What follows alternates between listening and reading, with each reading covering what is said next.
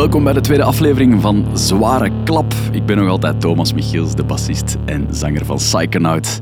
En eh, ja, ik presenteer ook de zwaarste show op Studio Brussel, de zwaarste lijst. Dat is eh, ook net gepasseerd. En ik zit hier niet alleen, ik heb weer al Peter Mulders mee, mijn vaste partner in crime. Dag Peter. Dag Thomas, blij om je nog eens te zien. Weer al. Ja, tweede aflevering. Dat wil ook zeggen dat we toch trots mogen terugblikken op aflevering 1, denk ik dan. Ik heb veel reacties gehad, ja. Ik vond het wel tof. Ik vind alle mensen die geluisterd hebben, de eerste keer dat je zoiets doet. Alleen voor mij toch. Ja, het tofste dat ik heb gehoord is, ehm, het gaat niet alleen over metal en harde muziek, eh, toekoer. Het gaat ook gewoon over de personen die dat we hiermee aan tafel hebben gebracht en, en over onze persoonlijke verhalen. En dat vinden mensen altijd heel leuk. Ja, ik had gehoord dat, je, dat ze mensen heel tof vinden als ze een podcast luisteren, dat er ook muziek in komt soms. Ja. En dat proberen we te doen. Ik ben een amateur-dj, maar ik kan nog vandaag proberen om een beetje muziek ertussen te smijten. Ja. eh, als dat kan. Voilà, dat gaan we gewoon nog meer doen. Eh, het moet over muziek gaan. Dat vind ik ook wel uh, Ja. vol een bak. We geven een maandoverzicht van de volgende zware maand. Dus nu gaat het over mei gaan. We zijn eens gaan grasduinen, wat er allemaal op de agenda staat in mei. En onder andere deze aflevering zullen we het hebben over Sleep Token, een metal fenomeen. Mag, Mhm. ik, mag ik metal zeggen? Eh, fenomeen, mogen zeggen. Eh, de Daar rest zullen- weten we Daar nog zullen niet. we het eens over hebben. We gaan het ook hebben over het Dunk Festival. Ehm, ja, toch wel echt de crème de la crème. Eh, een van de, de coolste festivals misschien, denk ik, in ons Belgenlandje. Eh, moet zeker aan bod komen in mei. Mei is altijd de Dunkmaand. hè. Ja. Voilà. Sowieso. En dan gaan we het ook hebben over iemand die jarig is. 50 jaar. De Georgia. De Josh. Homie. Homie. Of hom. Wat is het? Dat weet ik niet. Oké. Dat we straks moeten... Voilà, daar, Over gaan hebben. daar gaan we het ook over hebben. Ehm, voilà. Maar eerst een korte terugblik misschien. April. Eh begon met de podcast, hè. Toch wel een speciaal moment. En ik heb je ook een paar keer gezien op een show. Eh, we hebben samen gespeeld in eh, Groningen, in de Vera. Helemaal naar daar gereden. Dat is ver, hè? Groningen. en we hebben op Studio Brussel, 40 jaar Studio Brussel, Mistake. Brent teruggezien. Cindy was er ook. We hebben onze afspraak van de vorige podcast nagekomen. Cindy was daar om foto's te trekken. Heel blij om haar nog eens terug... Allee, het was heel tof om haar nog eens terug te zien. En het was een coole show ook. Ik denk dat de mensen wel heel cool vonden om die drie bands eens op één affiche te zien. Ja, je zet het een beetje aan het klein houden nu. Het was gewoon een killer line-up. Mag je dat gerust zeggen. Jij mag dat zeggen. Ik heb van iedereen gehoord. Het was op een kwartier uitverkocht. De vooruit zat stampensvol. En het was gewoon een van de feestjes van het jaar al, denk ik. Voilà. Moeilijk om te toppen. Al Ja. zeg ik het zelf. Ja, dat is waar. Oké. Alhoewel, wij kwamen dan juist, als ik het mag toppen. Ik, ik kan het niet, maar ik ga proberen. Een dag ervoor speelden wij op Roadburn, waar we het in de vorige aflevering ook uitgebreid over hebben gehad. Ja, ja. En ik was nog nooit in de 013 geweest, eh, in Tilburg. Dat is een zaal... Ik denk niet dat we dat, als ik dat van de Nederlanders of de Hollanders mag zeggen, dat we dat in België hebben. Dat is 3000 man, indoor, gigantische hal. En het Roadburn publiek, ehm, ik was er dus nog nooit geweest, dat heb ik ook vorige keer gezegd, maar ehm, dat is echt wel speciale mensen. Dat is echt een heel dedicated luisterpubliek. Eh, die stonden daar allemaal muisstil. De stille stukken waren echt, je kon de speld horen vallen. Ook al in Nederland. En normaal babbelt in Nederland iedereen heel uw show lang. En hoorde welke pintjes dat ze bestellen aan de bar door je, door je in-ears. dat was nu niet. En dat was echt een show in mijn top drie ooit van Brutus shows die wij op Roadburn hebben gespeeld. En dat kwam niet door Brutus per se, maar wel door Roadburn. Gewoon het gegeven, de merch tent daar, de andere bands die daar spelen, de mensen die daar rondhangen. Ja, dat is gewoon top. En dan kom je een dag later in de Vooruit in Gent en dat is eigenlijk ook top. En dan kom je toe en dan vroegen ze, hoe is het gisteren? Ja, mega top drie. En dan zie iedereen zo kijken, oei, dan gaat het vandaag niet zo goed zijn, of wat? maar jawel, het was ook goed. Ja, maar Roadburn was ook heel goed. Ja, ik snap wel dat dat in hun top drie van, van shows aller tijden staat. Ehm, ja, bij mij in april was natuurlijk de zwaarste lijst een van de, de grootste items. hè. Eh, ik heb hem gepresenteerd met Anne Lemmens dit jaar. Ik vond dat heel goed. Ja? Vond je Ja. dat tof? Ja, zeker. Goeie duo. Oké. Ja, ah, wel, ik vond het eigenlijk ook. De klik was er zo meteen en eh, het spatte ervan af. Ik vond het echt super fijn om met haar samen te werken.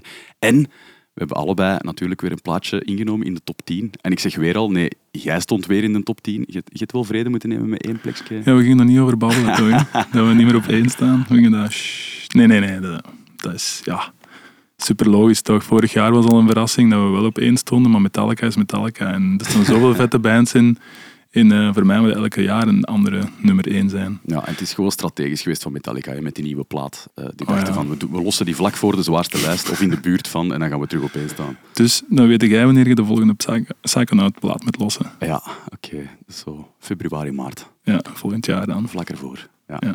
Maar jullie binnen de top 10 nu, hè? Ja, ja plaats 9. Super dankbaar daarvoor. Ik denk dat er niks mooier bestaat dan dat uw fans u in zo'n gigantisch, ja, misschien wel de lijster lijsten in, in ons land, eh, als, u die, als ze u zo hoog stemmen. Ik bedoel, ik, ik viel van mijn stoel. En ik heb gewoon die aankondiging ook naar Anne Lemmens geduwd. Ik dacht van, ik wil daar zelf niks over zeggen, want dan is dat zo Ja, stoeven ja. om te stoeven of zo. Maar ja, ik, ik was wel mega dankbaar. Ik was zo'n beetje sprakeloos. Ja, dat is echt van de fans. Hè. Allee, voor ons is dat ook zo. Dat is mega chic. Mega top. Oké, Ja, dat goed. was denk ik. Ja, ik, voilà. ik heb nog een nieuwe band leren kennen, ook nog deze maand, Ja? maar daar zullen we het dan zelfs over hebben. Ah, wel, dat is Goed? goed. Dat is goed. Ja, ja, ja. De eerste band die zelfs aan bod komt, denk ik. Heel goed, heel goed. Ik heb wel, en dat is misschien wel iets leuk, eh, de mensen hier aan tafel kunnen het ook zien, ik heb het decor een beetje aangekleed. Want dat was hier zo heel eh metalerig, misschien heel hard in het thema van waarover we babbelen, maar ik heb zo wat kleur aangebracht. Al ja, het is te zeggen, hier en daar een bandshirt gehangen waar een beetje kleur in zit. Daar Ah, ja. wat Belgisch tussen. En ook die bandshirt die we gedrukt hebben, of die jullie eigenlijk, die jij nog gefixt hebt, eh, alle credits daarvoor, van de 40 jaar Studio Brussel met de drie bands op, waar er maar 100 van gedrukt zijn. Hangt Ja. er toch één hier. Voilà. Ja, dat was dan 101ste. Ik had Ah, ze ja, nog één extra gevraagd. Echt van, zware klap, we moeten dat decor wel aankleden. Ik laat er nog één bij pressen. En ik zie nog, eh, ik zag Mastodon, ik zag Amara, ik zag... eh, We gaan toch eens een aflevering moeten doen over bandshirts. Ja, dat is waar, want er hangt ook Belgisch tussen. Hè. Works of the Flesh, eh Hamelin eh, en Of the Cross, die hangen er ook in. En daar Sons of a Wanted Man. Ja. Eh, we zeiden het al, Peter, we hebben een korte terugblik gedaan. We gaan vooral vooruitkijken naar, naar mei. Dat is de volgende maand die eraan staat te komen met een paar heel coole dingen. En we gaan dat niet alleen doen. We hebben daar weer twee gasten voor uitgenodigd. Eh, hier bij ons aan tafel Luc Lievens van ehm, Dunk Festival en Regula, ook bekend van Bake Off. Regula, ik ga met u misschien beginnen. Je bent bekend van Bake Off. Mensen zien u passeren eh, en, en zien u vooral taarten bakken. Maar ik ben kei blij dat je hier bij ons aan tafel zit. Want, ik ga de korte insteek vertellen, ik heb u gezien op een optreden van ons. Ja, dat klopt. Hè. Ja, allee, eigenlijk vooral mijn voeten. Hè. Want het was een video van mijn benen die aan het stappen waren. Oké. Ik dacht geen crowdsurfen waard. Nee, nee, nee, nee, nee, daar waag ik mij niet aan. Dat was wel heel even een moshpit op eh, dat optreden van jullie. Ja? Eh, maar eh, ik was blij dat ik eh, toch drie rijen naar achter stond, want dat is, dat is dan toch niet echt mijn ding, zo, moshpit. Waar de hoge haken aan het dragen?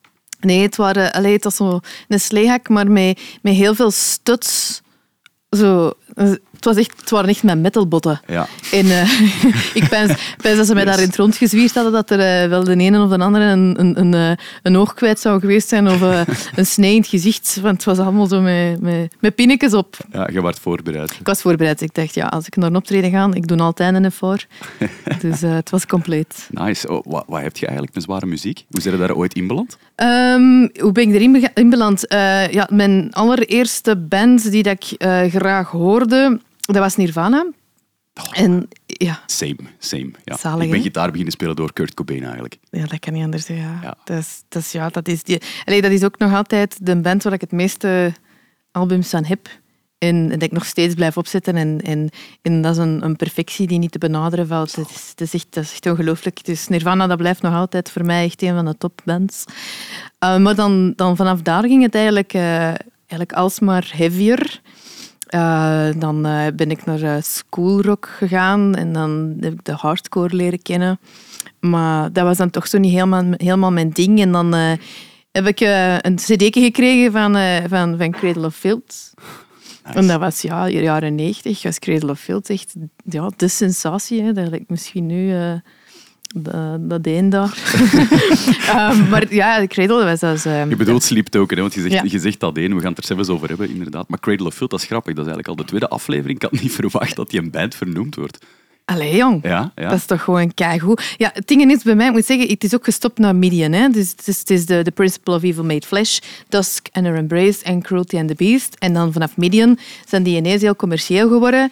En, en dan, dan was het voor mij ook echt gedaan. Daarvoor was dat echt heel, heel rauw en heel puur. En dat ging zo nog heel erg zo naar die Noorse black metal, zo gelijk Immortal. Allee, dat is ook niks, niks beter dan zo echt zo die, die corpse paint Immortal, zo die gasten die dat daar zo op zo'n een cliff in Noorwegen aan het rennen zijn met hun, met hun mega metal gitaren die niet ingeplucht zijn, maar wel zo Ja, keihard aan het geven zijn. En zo. Met de clip van Blashirk. Uh, als, als de mensen het nog nooit gezien hebben, moeten daar maar eens naar kijken. Dat is super funny. En, en ja, uh, Cradle of Filth, dat leunde daar eigenlijk wel, wel heel hard bij aan, hoewel dat dan een UK-band is. Had dat toch nog wel echt heel veel linken, vond ik, met, met, met die Noorse, Noorse black metal. Zij het toch nog altijd wel allee, iets meer, eh, een beetje meer eh commerciëler en ook nog wat meer naar de gothic metal op. Hè, want zij hebben dat ook wel een beetje meegelanceerd, zo dat gothic metal gegeven. Maar wat mij er heel hard in aansprak was die teksten. Die een, eh, die een Danny, die, die zanger, die schreef ook altijd zijn eigen teksten. Ja, dat als- wou ik vragen eigenlijk. Hoe komt het dat je daar zo in thuis voelt in die scene? Zo, die ja, metal? ja, dat is, allee, ik ben over het algemeen ook wel voor gothic literature. Edgar Allan Poe en dat soort dingen. En, en, en ja, zo die, dat heel dat Weltschmerz gegeven. En ja, de, bijvoorbeeld, als ik een voorbeeld kan geven, Cruelty and the Beast is een album en dat gaat over, eh over, Erze, over Bathory. Dat is een, eh, een, een, een, een, vrouw die bestaan heeft. En die, om jong te blijven, baden die in het bloed van maagden. en die, die leefde zo ergens in Transylvanië.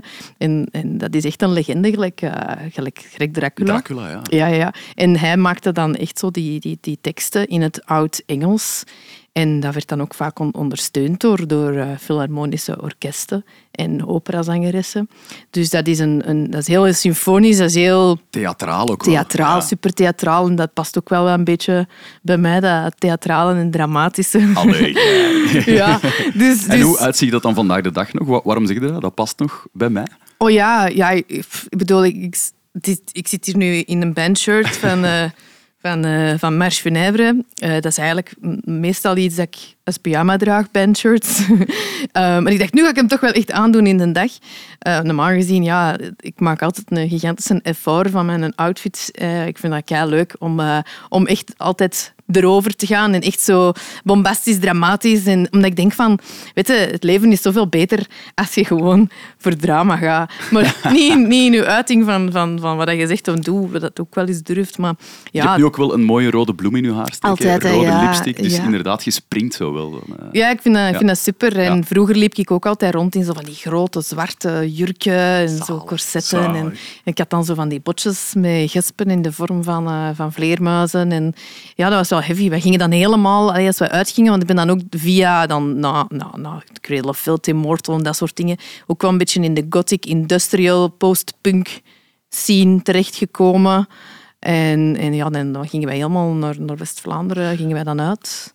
Ik heb bijna altijd zo'n een, een poefie onderrok aan. Het, is gewoon, het maakt het leven gewoon zoveel plezanter. Ik vind het ook wel leuk dat dat eigenlijk uit de muziek komt voor u en dat, dat je daar eigenlijk op verder hebt gebouwd Ja. en een eigen stijl hebt gecreëerd. Ja. eh. En dat je ook je eigen bent als het niet op een metal optreden of een, of een muziekoptreden is. Dat je toch je eigen stijl hebt. Ja, alleen dan zo met een extra kleurtje er soms bij.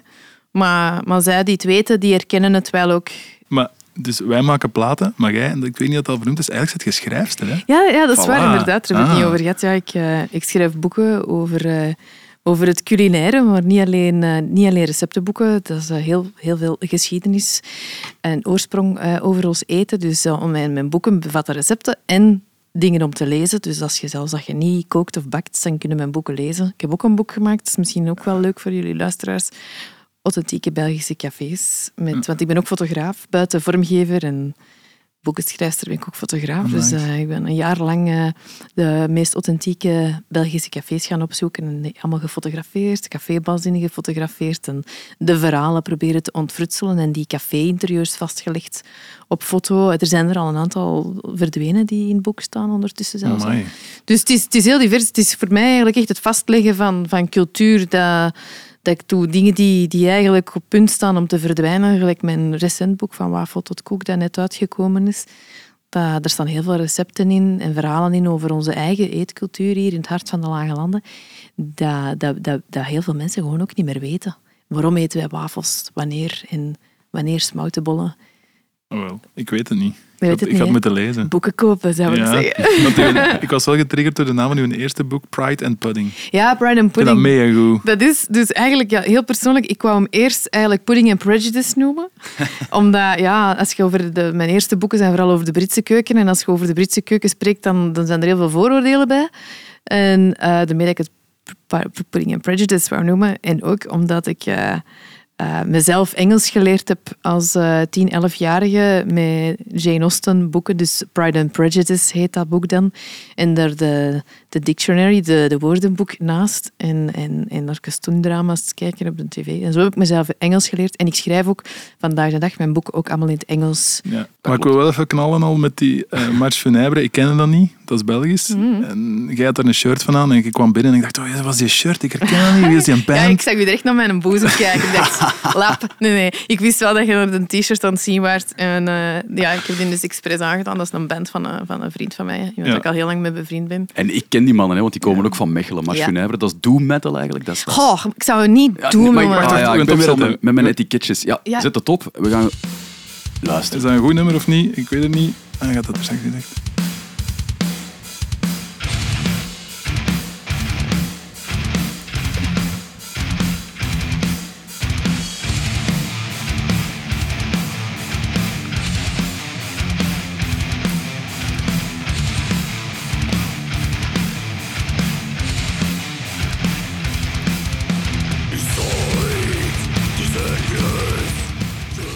Het is dus niet echt Doom. Hè. Nee. Want Doom is de D van depressief. Daar ben ik niet zo fan van. En de D van traag. Nee, traag wil ik zeggen. Traag, dat is, dat is ja, traag, trager, dat is niet traag. En, en, en soms zitten er wel wat tragere stukjes in, maar, maar het, is, het is eerder dead en, en echt jaren 90 influence zo erin. En dat vind ik er zo goed aan. Ja. Dat is zo goed, goed zwaar. Zo. Ik hou niet van, van lichte, lichte metal. Nee, en, en jij kent een Arne dan eigenlijk goed? Dat Ja, is de Arne- zanger van Marche Funèbre. Arne is de zanger van Marche Funèbre. Ja, dat, is, eh, dat was mijn grote vlam toen ik 16 was. Ja, ja, ja. Voilà, zalig toch? Ja, zalig. Je hebt gewoon dus een bandshirt van een ex-lief aan. Ja, ja. Allee, ja. Een ex-liefde. Kijk goed, ik vind dat kei cool. Supportive naar de scene in Dat zou wel zijn, potverdekken. En we kunnen direct een, ba- een bal doorspelen naar onze tweede gast. Ja, doe maar. Inderdaad, stel hem voor. Luc, waar is uw bandshirt? Eh, Ik heb het aan. Ah, maar, maar hij een aan? Open Ja, doen. en doe Hij zit op. verstopt onder uw hemd. Kom aan, Luc. Hemd uit. Ik, eh, Voilà. Ik wist het, dat ook verborgen Ja, ja, toch ja, ja, een bandshirt onder is dat Samael? Of? Is dat Samael? Nou, nee. Nee, welke band is het, Luc? Stel eens voor. de Bestia de Gevo dan, dat zijn Chilenen, die hebben ook ooit op het eh, festival gespeeld. We hebben zo'n beetje een traditie dat we altijd Zuid-Amerikanen eh, naar Europa halen, dikwijls voor de eerste keer. En eh, die heeft toch wel een eh, indruk nagelaten op mij. Want het raar was dat die gitarist, die had ook een gehandicapt hand. Maar toen die gitaar speelde, dat was echt super. Dus die, die heeft ook wel alles uitgehaald uit zijn beperkingen, moet ik zeggen. En, en die komen nu trouwens terug naar uh, Artengent dit jaar. Ja, voilà. De, sorry, Luc heeft het al gezegd. Dunk Festival is zijn festival eigenlijk. En daarom zit u, zit u hier eigenlijk. Hè? Om, allee, voor mij... Ik vind dat grappig. Zegt, Luc- ziet u hier. Je hebt zo keihard respect voor de Luc. Ja, Op voorhand was de Peter al aan het zeggen van zo, ja, de Luc Lievens komt jongen van Dunk Festival. En nu zegt hem ook zo u tegen u. Ja, dat is... allee, Luc, mag, mag hem jij zeggen? Of, of, Of je jij? dat de meneer zegt dan. meneer Luc zit hier. Eh, voor mij is dat eh, wel... Ja, Dunk is voor mij ook, just like Roadburn een klein beetje in Nederlands is, is Dunk in, in Vlaanderen ook een soort van instituut. En dat zat voor mij ook altijd... Ik kom uit de punkrock en de hardcore. De zwaardere muziek is pas later tot mij gekomen en nog niet helemaal zelfs altijd. Ehm, en ik kende Dunk als begrip, maar nooit echt tot ik één keer ehm, in de bossen van Zottegem, waar het festival vroeger was, verdwaald ben geraakt voor een show van Steak en, eh en So Watch It From Afar. Ik weet niet welke editie het is, jij zult dat beter weten, een paar jaar geleden. En vanaf dan is Dunk en Luc van Dunk, de baas van Dunk, is wel voor mij een begrip. Dus ik ben wel blij. Ja, je zit hier niet alleen voor het festival, want jullie doen met Dunk zoveel meer. Misschien moet u zelf daar iets over vertellen, want anders ga ik het allemaal klappen. Laat u gaan. Eh, nee, we zijn wel begonnen met het festival. En er is dan eh, een label uitgegroeid. En eh, dat label hebben we dan eigenlijk een tijdje een shop gedaan. We hebben het dan zelf als platen beginnen persen. Eh, we hebben eh, studio's opgericht, opnamestudio's, eh, met ook verblijfsaccommodatie, dat je kunt verblijven met repetitielokalen. En eh, binnenkort komt er ook een restaurant bij. Maar allee. Dus, Voilà. Dat, is, dat is eigenlijk een heel, als band is dat een heel ecosysteem eigenlijk. Vanaf dat je als band begint, je kunt daar gaan repeteren. Je kunt daar je demos opnemen, je kunt daar je plaat opnemen, je kunt daar je vinyl laten persen. En binnenkort een goed stukje eten. je kunt er ondertussen nog gaan eten. En je kunt dan ook nog op het festival gaan spelen. Ja. Dus de hele cyclus van een band zit allemaal bij Dunk. En dan nog eh, niet zomaar, oké, wat ik ook chic vind, niet voor het plat commerciële of zo, of heel commercieel, maar echt kleine bands. Eh, in specifieke niche-genres gaan zij zoeken, vooral post-rock mag ik zeggen, zoiets. Mm, of, ja. of wilde dat liever niet? Of, Nee, nee, ik had er geen moeite mee. Maar dat label hebben we zelf niet opgeplakt. Ja, wat zou er zelf op plakken? Ik weet het niet. Ik weet het niet. We zitten, we zitten eh, post-rock, post-metal, we zitten tot nieuw klassiek, we zitten ambient. Soms is er doomjazz bij. allee, het, is, het is gewoon van alles. Ja, we gaan straks nog eh, later in de podcast eh, de affiche wel een keer overlopen en wat bands uitpikken. Maar als ik hier de flyer, de geweldig schone flyer, eh, zie liggen al, dan gaat het van Amara tot God is een Astronaut, tot Nordic Giants ehm, eh, en nog veel dingen. Ja, We Lost the Sea, Ja. Mono, Caspian en So I Watch You From Afar. Ja, dat zijn allemaal echt wel heel zalige namen. Ik ga zelfs door de playlist gaan en dan gaan we wat dingen horen. En ik denk, amai, dat en dat en dat en dat. Ja, Tot Mario Hoosten zelfs. Tot Mario Ghost. met Sloper dan? Want Nee. Mario Gosses, dat is de drummer van Triggerfinger. Geburschelfer. Oké. Oh, dat wist ik zelfs niet. Ja, Nice. kijk, we leren nu nog bij. Straks, vandaag. straks ga ik erover vertellen. En ook eh, eh, eh, een ballonnetje oplaten. Eh Luc zit hier ook omdat hij mij de beste show van 2022 gegeven heeft. Vorig jaar op Dunk Festival. Dat staan we kiet, want eh, jij zorgde voor de beste show van 2021. Oh. Ah, daar ben ik ook benieuwd naar. Hier dan. worden bloemetjes gegeven aan elkaar. Nee, zeg Luc, even voor de mensen die het Dunkfestival niet kennen. eh, hoe lang bestaan jullie? Hoe is het allemaal begonnen? Dat vind ik ook wel interessant om even mee te geven. Het is begonnen in 2005. En de insteek was eigenlijk vanuit een basketclub. Om een alternatief te hebben om wat geld op te brengen. Vandaar Dunk even af. Ja, Oh. ja maar het opbrengen van geld is dus grandioos mislukt. Maar we hebben wel voortgedaan. En de eerste editie, dat was met drie bands, lokale. En elke band speelde minstens één basketter. Maar vanaf de tweede editie, in eh, 2006, zijn we al heroriënteerd naar, dat was dan met Madensuyu en Transit en eh Motek. Dat was al direct al, eh, de lijnen waren al getrokken dan. Ja, ja, ja. Dan was het niet uitsluitend basketters, dan waren het alle Nee, balsporten het waar was toe. Maar er zitten veel basketters in dat genre. Is dat echt? Het is opvallend. Amai. Basketters en grafische vormgevers. En Ja. zeggen dat ik deze morgen om 6 uur ben opgestaan om naar de Warriors te kijken op de NBA. Eh, op NBA-channel, dus ja, Ja? heel goed. Ik wist echt niet dat dat van Dunk, van basket Ik kwam. dacht dat vroeger wel altijd, want ik moet toegeven, in 2005 was ik 13 jaar en ik zocht toen al zo wat naar festivals in België. Ik was heel geïnteresseerd in, in rockwerchter uiteraard, Hm. pukkelpop. En toen kwam ik Dunk Festival tegen, was dat zoiets van, maar Dunk, ik ken dat gewoon van, van basket, heeft dat dan nu iets? Nee, En ik nu- kom van basket. Maar effectief, Zalig. Dat is grappig om dat hier vandaag te ontdekken. 2005 zeg je, en ondertussen zijn we 2023. Is er altijd in stijgende lijn gegaan? Eh, Of, of zijn er ook zo wat diepjes geweest dat je toch wat moeite hebt gehad? En... Ja, ja, we hebben ons dipjes gehad. Ja? Eh, ja, ja, ja. 2013 was een hele slechte editie. Dat was toen eh indoor, maar dat was hetzelfde weekend als de Ronde van Vlaanderen. Dus gans, eh, de Vlaamse Ardennen zaten vol, alle hotels zaten vol. Dat was aan het vriezen s'nachts. Dus de mensen kropen in een tentje. Programmatie wilden we tegen ook. eh, de namen die we wouden hebben, dat lukte niet. Dus eh, dat was een beetje een mindere editie. En dan hebben we ook beslist om te verhuizen naar eh, outdoor.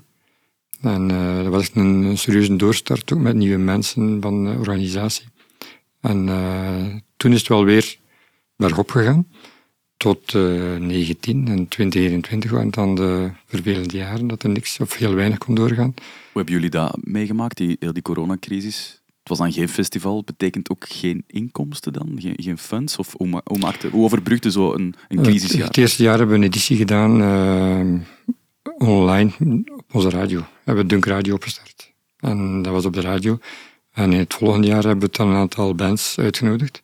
Hadden we alle kanalen die we konden bespelen, hebben we dan eh, subsidie gevraagd. En eh, de meeste waren goed gelukt. Nee, subsidie bedoel ik dan. Ja. Dus we konden wel wat aan. Ja. We hebben dan een studio gebouwd en een aantal bands gevraagd. En onder andere eh, Brutus. eh, en dat was toch een eh, van de betere shows van, Ja, ja. Van, van dat jaar. Dat was corona. eh livestream was toen een ding. Heel veel Ja. bands begonnen live te streamen omdat dat niet konden spelen. Ja. En we kregen redelijk veel vragen. Ik denk elke band kon... Of, oftewel begonnen, we het zelf, begonnen bands het zelf op te zetten en vroegen ze zelf subsidies om te kunnen livestreamen. Omdat het ook de enige manier was om een beetje die brug te maken financieel. En we hebben maar op één livestream, als ik me goed herinner, ja gezegd. En dat is op die van Dunk. Omdat het Dunk is. Dus ja, en dat was, ook, dat was ook door de studio daar, door de techniek daar, door te weten dat je gewoon weet, die mensen zijn met de juiste instelling daaraan bezig of zo, dat gaat allemaal kloppen, dat gaat in orde zijn. was de enige Brutus livestream, was de, was de Dunk livestream. Hebben ook twee nummers nieuwe gespeeld die we dan in coronaperiode geschreven hebben.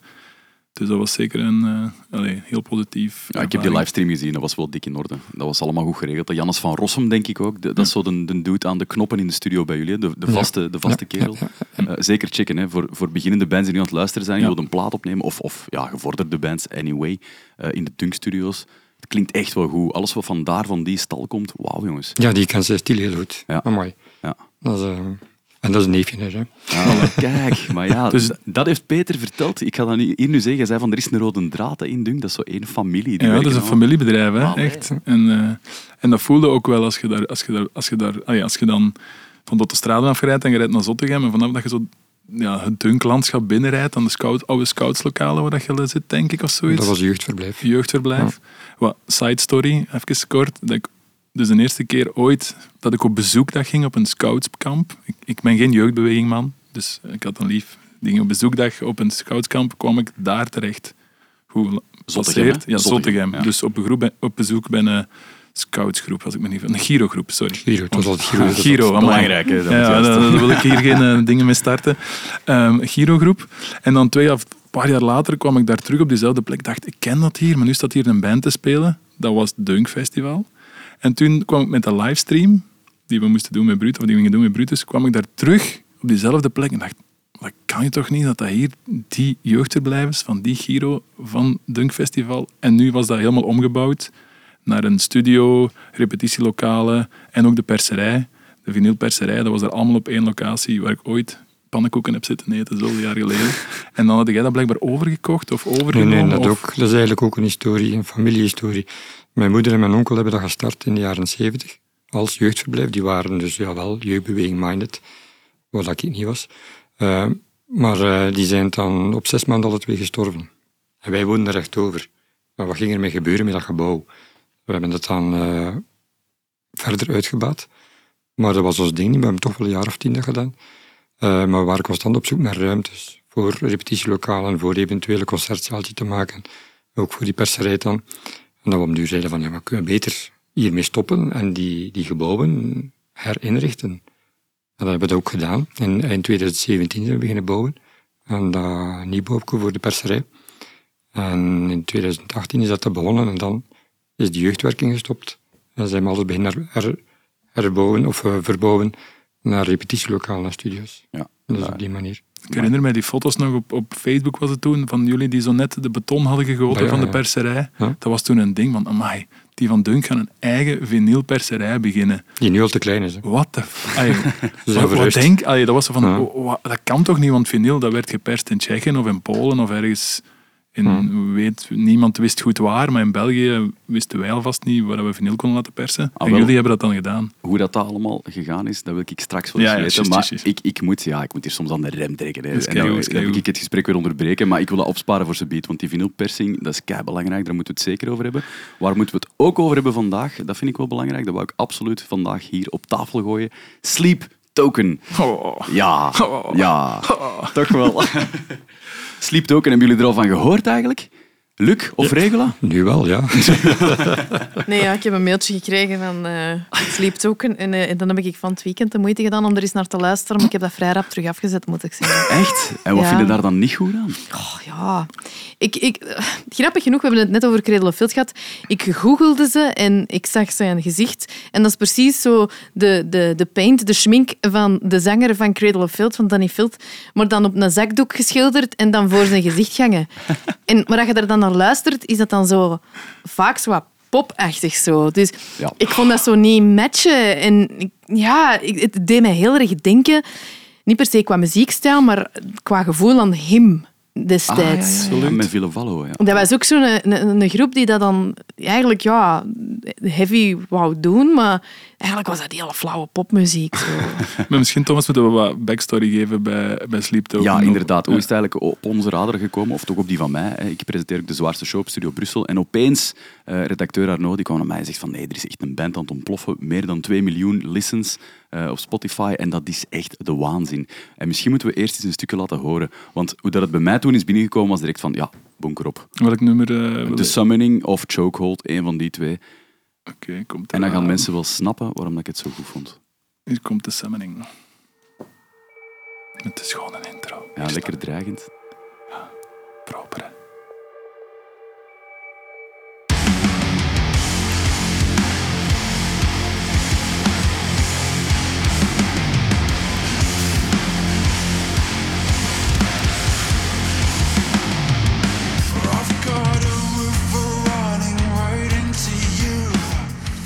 Dat Zijn er ik, iemand Tool of nog niet? Was dat Ja. hier al? Nee, Ja. nee, nog niet. Sorry. ik vind dit wel mega interessant, sorry. Daar zitten zo die gent-invloeden. Je hebt ook zo in België een paar coole bands in dat genre, zoals Hippotractor bijvoorbeeld, waar de zanger van Psychonaut, eh, Stefan, ook in zingt. En ik herkende dat meteen. Dat was direct van, oh ja, ik hoor eight strings, eh, die dikke riffs. Dan nam mij direct bij het strot en dan die zang. Ik geef toe, dat poppy, dat R&B, dat was even wennen, maar ik vond die blend wel echt dik oké. Maar ik vind nu nog geen R&B. Allee, ik vind nog geen R&B, maar ik een chokehold ook even eh, opzetten. Hè. Wacht, hè. Volgende. eh, Regula, hier, zou jij hier al op? Nee, deze vond ik nog oké. Ja. ja, ja. Maar nu gaat het komen waarschijnlijk. een chokehold? Ik ben niet zo'n fan van R&B. Ja. Dat? Oh, Lauren Hill. Dat Dat is natuurlijk altijd goed.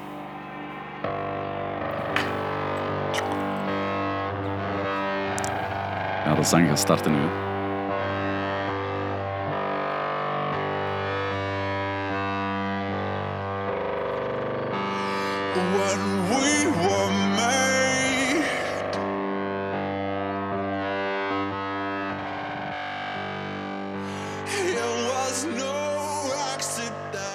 Nu dat je aan hem moest denken? Of, nee, of- Oh, Je ja, weet niet goed, hè? Ik weet het niet goed. Het is, zo, ja, het is misschien een band die wat tijd nodig heeft. Allee, ja, ik, ik moet dat zeggen. Ik bedoel, Tool is nu een van mijn favoriete bands.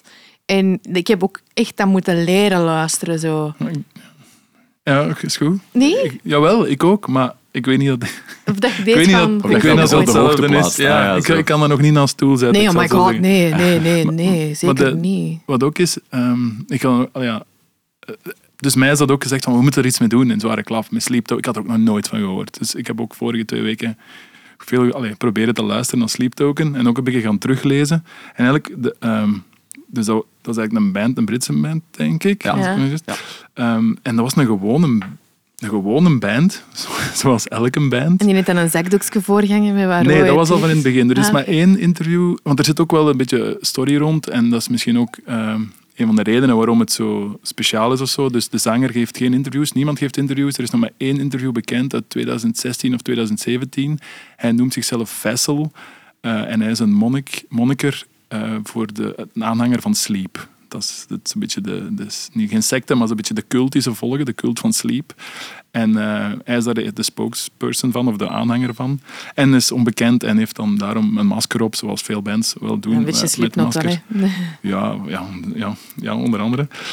En dan, eh, als ik die band zo volgt, en wat dat voor mij dan tof is, ik kan ook zo Spotify-statistieken zien. Hè, dan kun je zo als artist kunnen inloggen bij Spotify en dan zie je alle plays. En dan kun je vergelijken met bands en zo van die dingen. Een heel ding. Je kunt dus ook de Spotify-statistieken van Sleep Token zien. En tot eh, 5 januari 2023 was dat eigenlijk een gewone metalband. Allee, ik wil het niet. Of een gewone rockband zelfs. Want ik weet niet dat je het dan metal kunt noemen of hoe dat je het juist moet noemen. En dan plots op 5 januari ziet je die statistiek. Dat is echt een muur zoals... eh, niet de muur van Gerardsbergen, maar zo bij Lord of the Rings, waar dat ze zo voor staan. Die muur. Dat is plots op één dag, bam, 2 miljoen. Patat. 2 miljoen streams. En vanaf dan dan echt...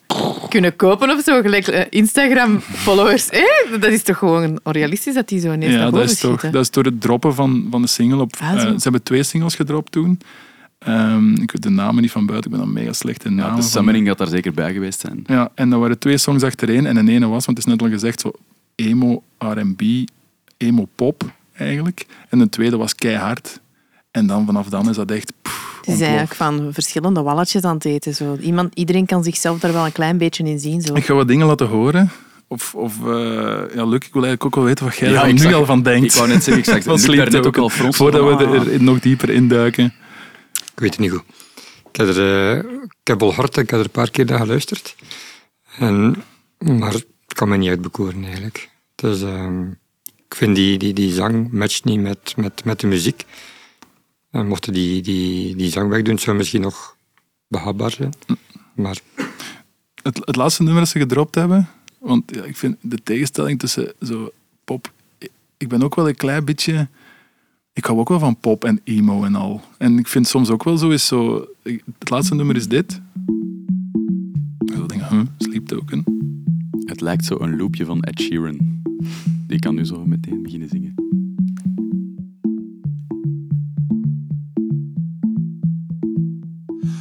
Do you roll with the waves? Or do you duck into deep blue safety? ja, And There He Lost Me. hè. Ik denk dat het eind vorige week is uitgekomen, deze single. En je hoort in autotune zo heel hard in de Ja. stem. Ja. Maar dat, ja. ja, dit is Zoon. Zoon is een, een van mijn favoriete emo-pop-artiesten. Het loopje is niet hetzelfde, maar het trekt er wel op. Ja. Dit is Sleep Token. burning cathedrals, turning the skies into glass. Wie doet ons dat denken? Zeg maar. Eh, ik kan er al drie minuten niet opkomen. Eh, maar iedereen die het nu hoort, die moet... Allee, kom. Eh, Sowieso een of andere rapper, maar daar ben ik dus niet in thuis. Wat je eigenlijk wilt zeggen is dat het klinkt als heel veel andere dingen en in een mixer gestoken, maar de mix is een beetje. Ja, maar over die mixer wil ik het hebben. Want ik, genres blenden, dat, dat is, vind ik net cool. Heel veel goede muziek is ontstaan uit genres blenden. Brutus krijgt ook wel allee, vaak het label van gemixt dingen en daarom gebeurt er dit of dat. En genres blenden vind ik cool, maar de dingen die ik cool vind aan genres blenden, is dat je dat in één nummer doet. En Sleep Token doet dat in twee nummers. Dus ze hebben een keiruig nummer en dan een totaal... Want dat is niet gewoon de intro hè, dat je nu hoort van, van eh, wat ik daarnet liet, liet horen, dit. Ja. Dat gaat gewoon drie minuten door en het is alleen dat. Klopt. En dan, dan denk ik, hmm, er zijn bands die, like bijvoorbeeld pff, Deaf Heaven, die, die, zijn dan, die hebben dan black metal gemixt met shoegaze. En die hebben daar een beetje een eigen genre van gemaakt. Of dat was zo hun ding. En die kregen dan op Pitchfork 8.9 dingen of zo. En in, eh, toen ik jong was, in 1998, was er dit.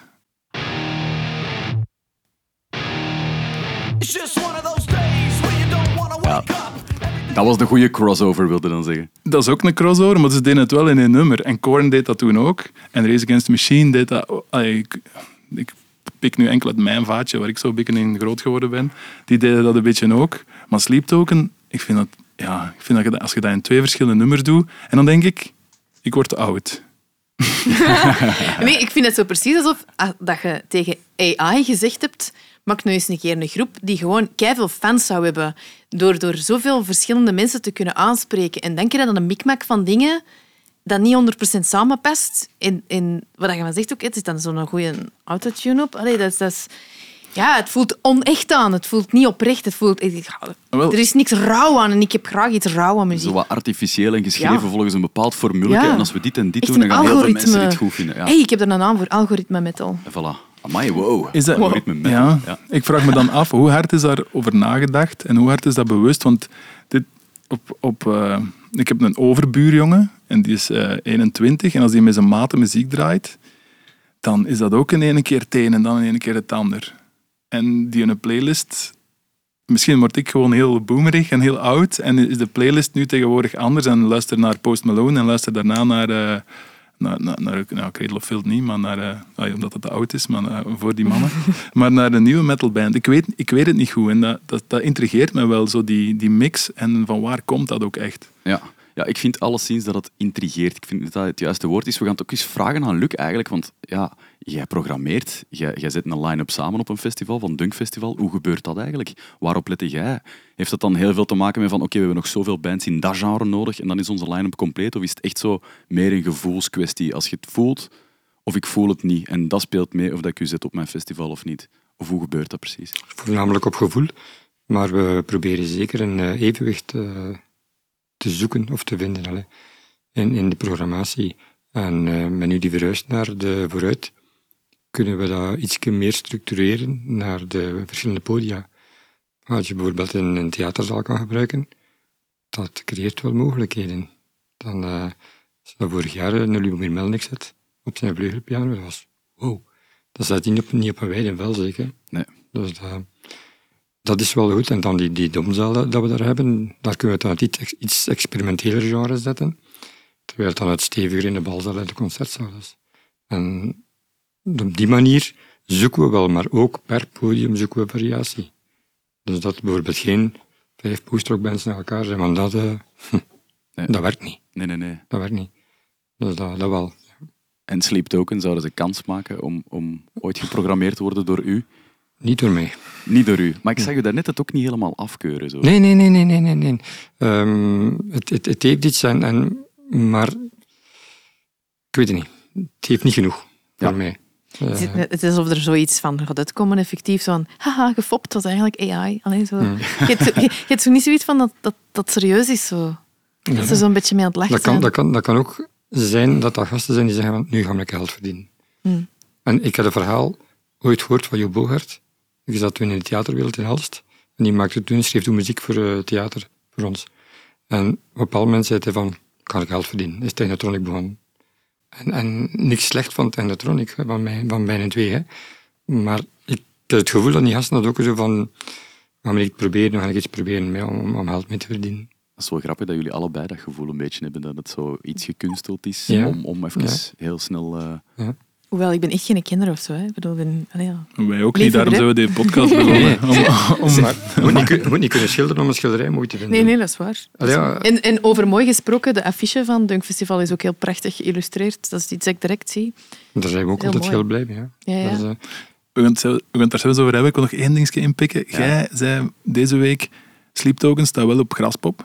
En ik wil ook wel weten hoe dat die dat dan gaan doen. Die, om die R&B-songs. Want jij praat nu over, we zetten die een band in meer een die venue, omdat dat daar beter past is als een teamer en een vleugelpiano. En die een band is meer in, in een grote zaal en kan knallen.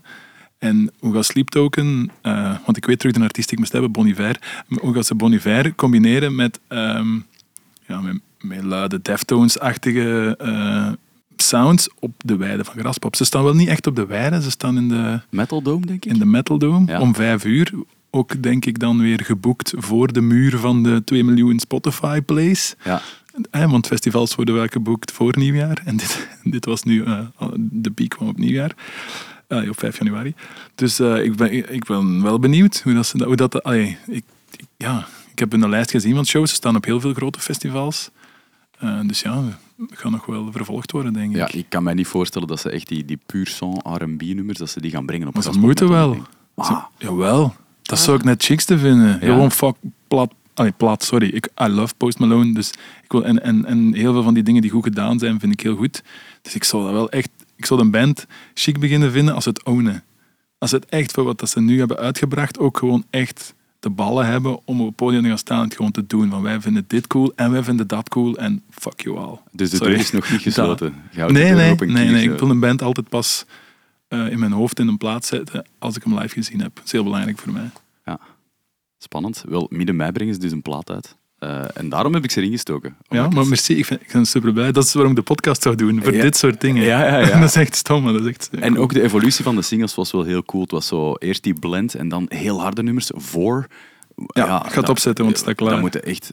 Toen ik dat hoorde, dacht ik van, ho, ho, het gaat alleen nog maar harder. Ik verwacht hier zoveel van.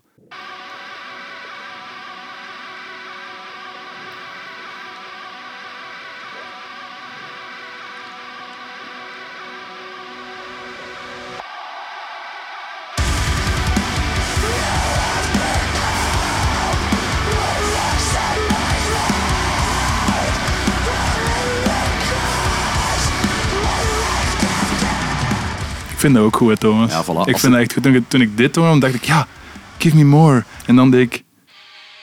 nou Ja, dat is een beetje gepikt van Deftones. en dan is er zo'n band in Engeland, Svalbard, eh, die ik mega cool vind. Die doen dit.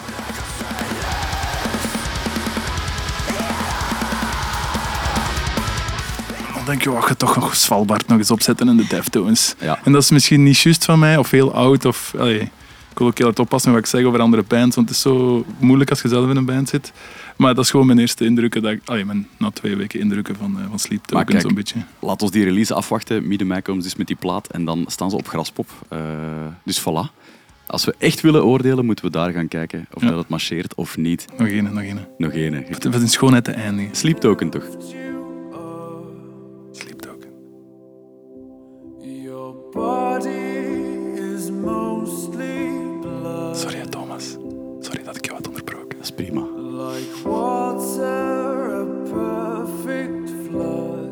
Dezelfde band. En dan...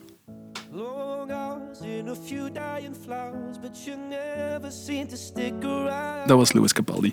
En eh, ja, sorry. Dus mijn playlist klaar. Dank u wel. Je wou toch nog een laatste basje geven op Sleep. Sorry, sorry, sorry, sorry. Ik vind Louis Capaldi ook niet zo heel slecht. Oké, dus wat ik wou zeggen, we zijn in het midden van onze aflevering gekomen en eh, ja, dan stellen we altijd de beste band ter wereld voor. Eh, vorige aflevering hadden Peter en ik een voorzet gegeven eh, met twee bandleden naar voren te schuiven. En het concept is gewoon altijd dat we een band maken van vier personen. Zanger, gitarist, bassist en drummer. Ehm, wij hebben onze keuze er dus al ingeschoven, maar jullie, Luc en eh, Regula, jullie mogen er vandaag iemand uitkicken. En jullie mogen dus onderbouwen eh, wie er in de band mag zitten. Maar Peter, misschien moet je nog eens even kort voorstellen hoe de band er momenteel uitziet. Ehm, ja, dat was op bas Brian Cook van Russian Circles zit er nog in.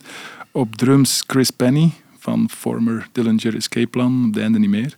Eh, gitaar Glenn Branca, door Brent aangebracht van Steak, nummer 8, eh, van Steak, sorry. Eh, omdat, ja, omdat hij daar op zijn jonge leeftijd helemaal goed of, en slecht op gegaan is. Je kunt in de vorige podcast alle details over horen. En op zang Freddie Mercury. Schoon bandje, denk ik. Een schoon bandje. En dan vliegen er nu twee de straat op, of de weide op. En op het podium komen twee nieuwe mensen. Ja, wie gaat er beginnen? Oké, ja, ze kijken allemaal naar mij.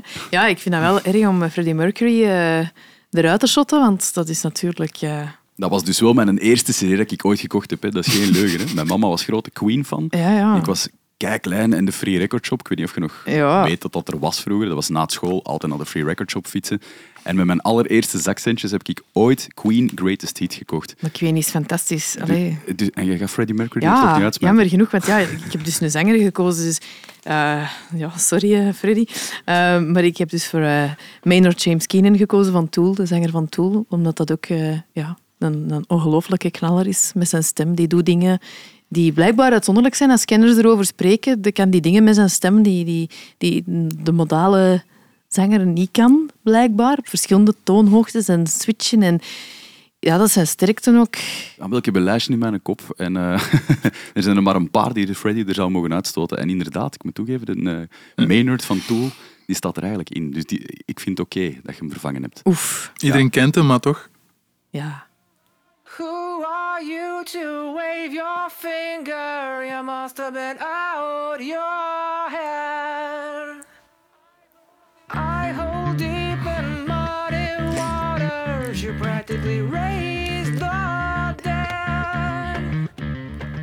Voilà, welkom in de band.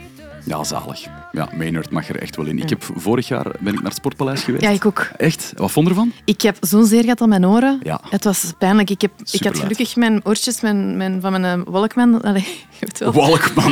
dat is de jaren negentig gewoon. Dus ja, ik weet niet van waar dat nu komt. Maar Uw ik ben oortjes wel, gewoon, ben wel van de jaren negentig. Allee, Ja. Dus echt zo van, van mijn dingen. Hè. En eh, ik heb ze ingestoken omdat het zo'n zeer deed. We zaten rechts vooraan aan het podium. Ja. En, en het, het, het, het was echt moeilijk om, om echt gewoon te genieten van het concert, omdat zo'n zeer deed. Ik heb dat eigenlijk nog nooit gehad op een concert. Het was echt één gitaar die dat echt gigantisch pijn deed. En, ja, maar gelukkig, het optreden was fantastisch, want ik heb die eh 13 jaar geleden ook gezien in Vorst Nationaal. En ja, dan heb ik er eigenlijk niet van kunnen genieten. Dan was ik ook nog maar be- begonnen met te luisteren naar, naar Tool. En dan zaten we helemaal van achter, ver. Ja, Vorst is ook geen geweldig geluid. Nee, nee. En dat was eigenlijk heel stil. Dat was precies of je zat zo in de verte. Zo, ja, je zat inderdaad in de verte te kijken naar, naartoe. Maar, maar ja, dat was wel een, een vet concert. Hè. Ja. Dat was- Pokkeluid, maar wel echt een van de Pokkeluid. beste van 2022, denk ik. Ja, man. En niet alleen dat, maar we hebben er wel keilang op moeten wachten. Allee, ik weet nog heel goed toen het nieuwe album van Tool uitkwam recent. eh, dan zijn wij dus eh, samen met andere Tool-liefhebbers gaan aanschuiven bij de Music Mania aan de Vooruit in Gent. En, en dat was dat echt een nummerke gaan trekken. En dan eh, wachten tot 12 uur. Want om 12 uur werden de eerste albums verkocht. En om 12 uur werd ook het album integraal gespeeld in de platenwinkel. En dat stond daar dus vol met Tool-fans die allemaal gewoon in stilte echt zo stonden te luisteren naar dat nieuwe album van Tool. En dat was, dat was, dat was machtig om te zien. En jij wordt erbij. Ja, Ja, ik was erbij natuurlijk. Amai. Ja oké, dan heb je echt wel recht van spreken. Dan moet je de Maynard er keihard inzetten. Ja. Vond ik wel mee, en, en, want dat album duurt wel redelijk lang. Ja, Dan- dat is het probleem. Hè. Ja. Kijk, ik probeer elke keer als ik uitgenodigd word in een studio en ze zeggen van ja, je mocht wat nummertjes kiezen, dan probeer ik daar Tool in te steken. Wordt er altijd uitgehaald, omdat die nummers altijd 12, 13, 14 minuten duren. Maar ja, dat is, dat is, het is geen liedje, het is een ervaring. Ja. ja, dat is waar. We hebben daarnet op pot gehoord. Zijn er nog nummers waarvan jij zegt van, amai, daar valt echt mijn pet van af als ik dan Maynard hoor. Of Oh. gewoon nummers van Tool integraal. Ja, gewoon integraal. Zo Lateratus, alles van Lateratus, alles van 10.000 Days. Ja. Dat zijn zo mijn favoriete albums. Ja, van mij ook eigenlijk. Lateralus en eh 10.000 Days. Ja. Maar inderdaad, Maynard vind ik echt een keigoede keuze. En Toekoer, de band Tool, dat is echt eh, dat is een ervaring. Ja, je moet echt... Allee, we hebben nu 13 jaar moeten wachten op het laatste album. Ja. Ja, de, de moment dat dat er was, ja, dan snapte waarom dat iedereen daar zo stond aan, aan, aan die platenwinkel. En echt zo van, eindelijk, eindelijk. En please, laat het goed zijn. Want we hebben er zo lang op moeten wachten. Maar ja, je, je snapt dan ook waarom. Hè. Als je dan die, die muziek hoort, die is extreem complex. Hè. Die mannen die maken eerst de muziek. En dan zeggen die tegen Maynard, oké ja, en nu moet jij daar tekst op zetten. En dan zet hij daar die tekstlijnen op dat je denkt van... Oh mijn god. Ja, dat is... Ik, ik, ik, rij, ik rij rond op mijn fiets, want ik kan hier rijden in Antwerpen op mijn fietsje en dan zeg ik echt toelend mee, kelen. Hey, ze waren ook hoogste nieuwkomer trouwens in de zwaarste lijsten. Ja? Eh, ja, in april zijn ze met Numa. eh, dat, is een, dat is een nummer dat op die laatste plaats staat. Ja, zijn ze ja. binnengekomen. Maar ook ja, anderzijds, ik bedoel heavy, maar Wings for Marie, dat is voor zijn moeder geschreven. Ja. Dat is dan eigenlijk weer heel zacht. Ja. Maar dat kan ook. Dat is anders dan met die Sleep Token, waar dat, dat dan zo'n clash is. Daar, dat blijft toch nog wel een Ja, eenheid hebben. Zo. Klopt. Want, want ja, elke harde band heeft wel eens acht nummers geschreven of zo. Of som- eh, soms zijn dat net hele goede nummers, als harde bands dat doen. Maar bij Sleep Token is dat... Ik moest daar ook aan denken als ik eh, over Sleep Token nadenken was. is dat niet van toep. Dat is niet die truc of zo. Het is anders. Het is een andere truc dat ze doen. Het is niet de ballad Nee. of zo. Het is, het is iets anders. Oké, Freddy out, Maynard, James Keenan, de zanger van Tool, in. Eh Luc, wie kikte jij eruit? Ik had er eigenlijk graag in een bijgezet. In een bijgezet. Ah, wel, maar we hebben lang, voordat we de podcast begonnen, ik wil ook een band met twee gitaristen in plek van mij. Nee, nee, geen gitarist. Oh. Oh, geen gitarist. Saxo- Ja, saxofonist. Ah, van, eh, oh. van Mannheim had ik er graag bij gezet. Maar ik had toch gekozen voor de gitarist. Oh. En eh, ik had dan uiteindelijk gekozen voor Zappa. Frank Zappa. Omdat het een all-time favorite moest zijn. En dat is toch wel eentje dat ik eh, al heel lang volg. Eh, ik had een beetje dezelfde ervaring. Een optreden ook heel luid. Maar ik spreek dan van de jaren 70. In 78 was Toen dat. was het luid nog echt luid. Dat was het echt luid. Dat deed echt pijn. en, ik- en toen dacht je nog dat dat normaal was. Oordopjes bestonden toen nog niet. Hè. Want, want in, in het Sportpaleis komt dat door de PA, maar toen was het gewoon de amps alleen hè, die zo luid Dat waren. is niet doen.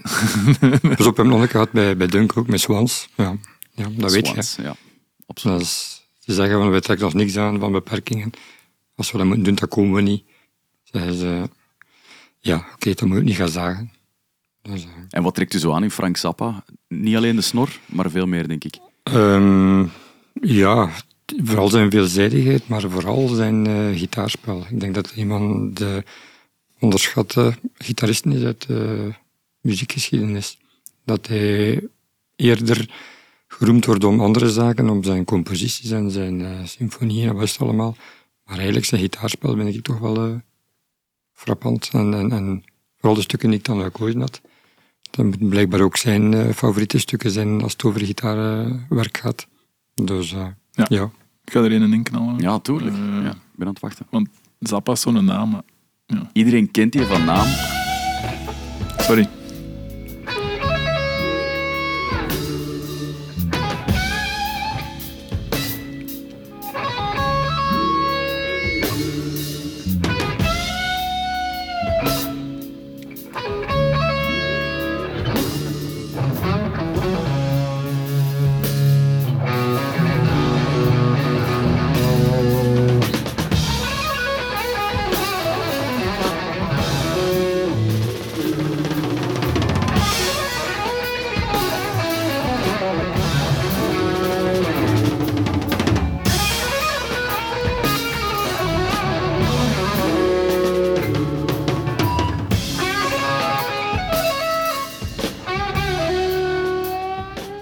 Ja, dat is wel epic, hè.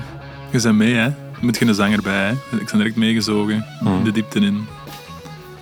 Luc, hebben ze ooit live gezien? Frank Ja. Zappa en zijn band? Ja, in 78. In 78. De enige keer. Nee, nee, enige keer in 93 is hij gestorven. Ja. Dus eh, ja, dat was, ja, ja. En waar was dat dan? Beschrijf dat eens. Hoe moet dat je... dat Ah, was in de Vorst, in Vorst Nationaal was dat toen. Ja, dat, dat was, eh, ik was toen 18 jaar. En dan mocht ik eh, al een keer, nee, het was eigenlijk vroeger. Ik denk dat het vroeger was. Maar ik was mee met mijn broer. Dus eh, het zal waarschijnlijk in 76 of 77 of zoiets geweest zijn, in die, die periode. Dus eh, ja, dat, ja dat, dat, dat, dat blijft u bij voor de rest van, van uw carrière, van uw leven. Of, eh, ja. dat, eh, 77, zegt YouTube. Is dat op die moment ook al dat je dat legendarisch vindt? Of is dat pas achteraf als je dan naar terugkijkt van, oh, wat heb ik meegemaakt? ja, je, je beseft dan wel, wel dat je iets meemaakt. Ja. Maar, maar de echte impact eh, realiseer je maar als je meer met muziek bezig bent. Dat je dat beter kunt plaatsen in de context eh, en in het ganse muziekgebeuren. En, en ja, is altijd blijven meegaan. En, en zichzelf altijd heruitgevonden.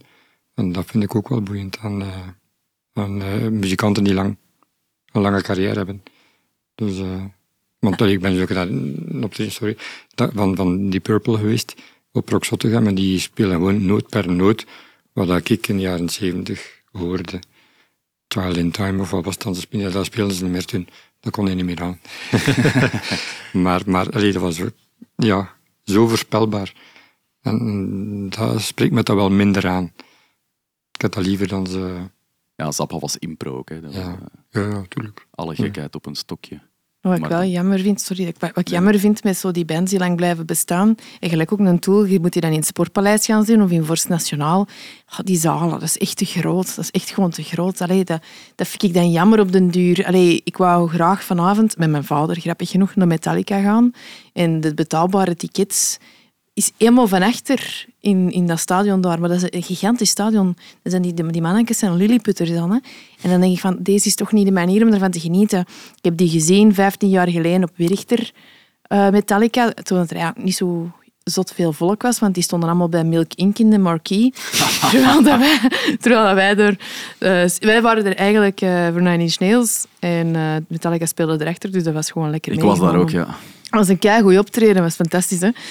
Maar dat is intiem en, en, en ja, het is echt omdat ik zo zot ben van Tool dat ik naar die show ben gegaan, maar het, is zo groot. Het, het, het is toch altijd een klein beetje een teleurstelling dat het zo groot is dat je die bands ook gelijk Metallica dan in, in dat groot stadion in Nederland, dat is, dat is te groot. En, en dat vind ik zo jammer. Dat je, je moet eigenlijk die bands kunnen zien als die klein zijn. Zo. En ja, gelukkig bij sommige scenes blijft dat. Want als je dan nadenkt, denk ook zo van het meest legendarische concert dat je ooit naartoe geweest bent.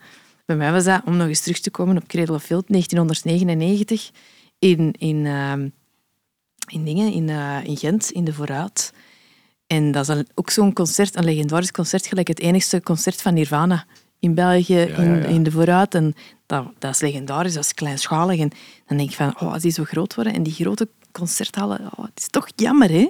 Ja, dat is, dat is heel leuk als je er gewoon in een vroege fase kunt bij zijn. Oh, eigenlijk bij die Frank Zappa, dat is echt zalig. Je hebt die in de jaren 70 gezien, Luc. Ja, ik wil zeggen, besefte je dat, maar ja, je beseft het. Je bent gewoon keihard aan het lachen. Zo van, ja, ik was erbij, ik was erbij. Ja, nee, nee, nee.